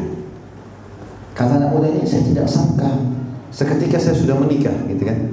Rasa laparnya hilang karena menikah Dia bilang setelah itu guru saya bilang pulanglah ke rumah istrimu. Sekarang boleh tinggal sama-sama. Nanti kalau mau belajar datang atau bantu saya bersihkan masjid silakan. Dia bilang saya jalan sama istri saya orang tidak kenal sebelumnya tiba-tiba jadi suami istri masih malu-malu jalan. Dia bilang waktu kami keluar dari masjid rumah pertama tadi yang saya naik istri saya lewatin. Rumah kedua yang saya masuk dari mencuri istri saya berhenti. Lalu dia buka pintu dia mengatakan masuklah suamiku ini rumah kita. Rumah yang tadi dia mencuri terong itu. Dia masuk ke ruang tamu, ini kisah nyata ya. Kemudian dia masuk ke ruang tamu, dia lihat kiri kanan ini betul dari rumah yang saya masuk mencuri. Dia takut disalahin tentunya. Terus istrinya bilang, suamiku tadi saya dengar anda sudah tiga hari kelaparan. Mau makan? Mau. Istrinya masuk ke dapur, apa yang ditemukan? Panci yang terbuka, terong yang sudah digigit. Gitu ya. Spontan dia bilang, siapa yang makan terong saya? Kaget. Kata suaminya, ke sinilah istriku. Demi Allah begini ceritanya. saya lapar, saya naik, saya ambil. Dan demi Allah saya buang gumpalan dari mulut saya. Karena takut kepada Allah. Saya takut itu haram. Maafin saya. Lalu perempuan ini teman-teman rupanya imannya juga luar biasa. Dan ini saya bahasakan ya secara pribadi perlu tulis kata-kata perempuan ditulis dengan ukiran emas tanda keimanan. Dia bilang apa? Wahai suamiku engkau meninggalkan segumpal makanan haram terong tadi Allah jadikan terongnya pancinya rumahnya pemilik rumahnya jadi milikmu sekarang. Allah bukan cuma hilangkan laparnya. Terong yang dia tidak jadi makan Allah jadi halalkan buat dia. Pancinya rumahnya perempuan itu perlu jadi halal buat dia sekarang Orang yang bertakwa akan diberikan makhraja, jalan keluar, sabar. Sebagai penutup kata-kata saya teman-teman juga sekalian, sabar itu harus dalam tiga hal, sabar dalam ketaatan. Duduk di majelis ilmu, sholat, puasa, sabar. Kerjakan dengan kesabaran. Dalam satu ayat Al-Quran Allah mengatakan Rabbus samawati wal ard ya. Wa ma bainahuma fa'budhu wastabir li ibadati Hal ta'lamu lahu samia? Allah itu pencipta, pemilik, penguasa langit dan bumi dan apa pun yang ada di antara keduanya. Sembahlah dia, tunduk patuh, cinta, takut padanya dan bersabar dalam itu. Apakah kalian temukan ada Tuhan selain dia? Ini sulit. Yang kedua, sabar dalam meninggalkan dosa. Kita punya kesempatan berdosa teman-teman. Semua kita kesempatan berzina, kesempatan dusta, kesempatan riba, kesempatan nipu, nipu, kesempatan apa saja. Sabar. Lagi datang cobaannya enggak, Allah haramkan, enggak mau. Walaupun bertubi-tubi cobanya tidak, saya enggak mau. Komitmen.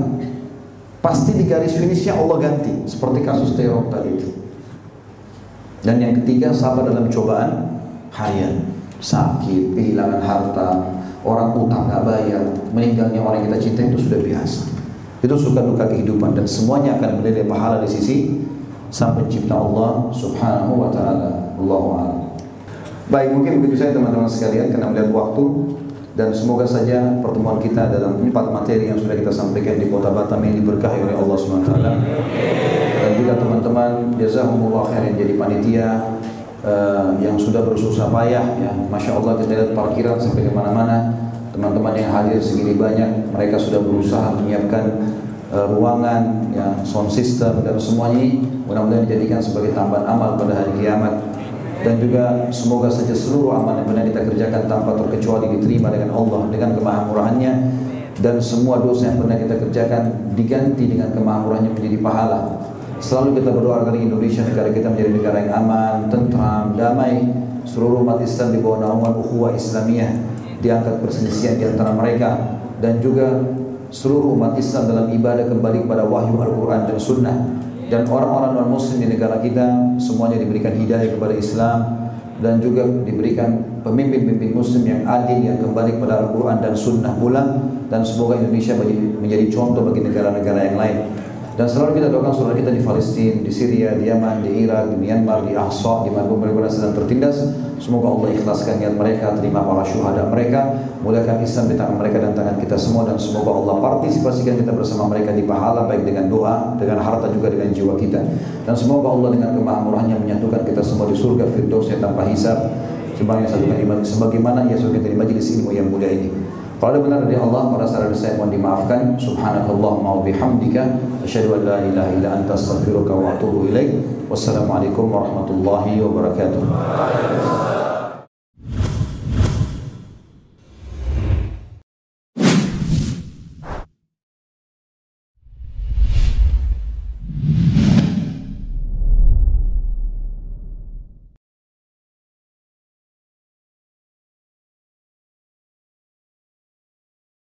Assalamualaikum. Untuk pemesanan paket umroh murah Bisa menghubungi 0821 4196 0857 Kami ulangi sekali lagi untuk pemesanan paket umroh murah bisa menghubungi 0821 4196 0857 Sekali lagi 0821 4196 0857 Terima kasih.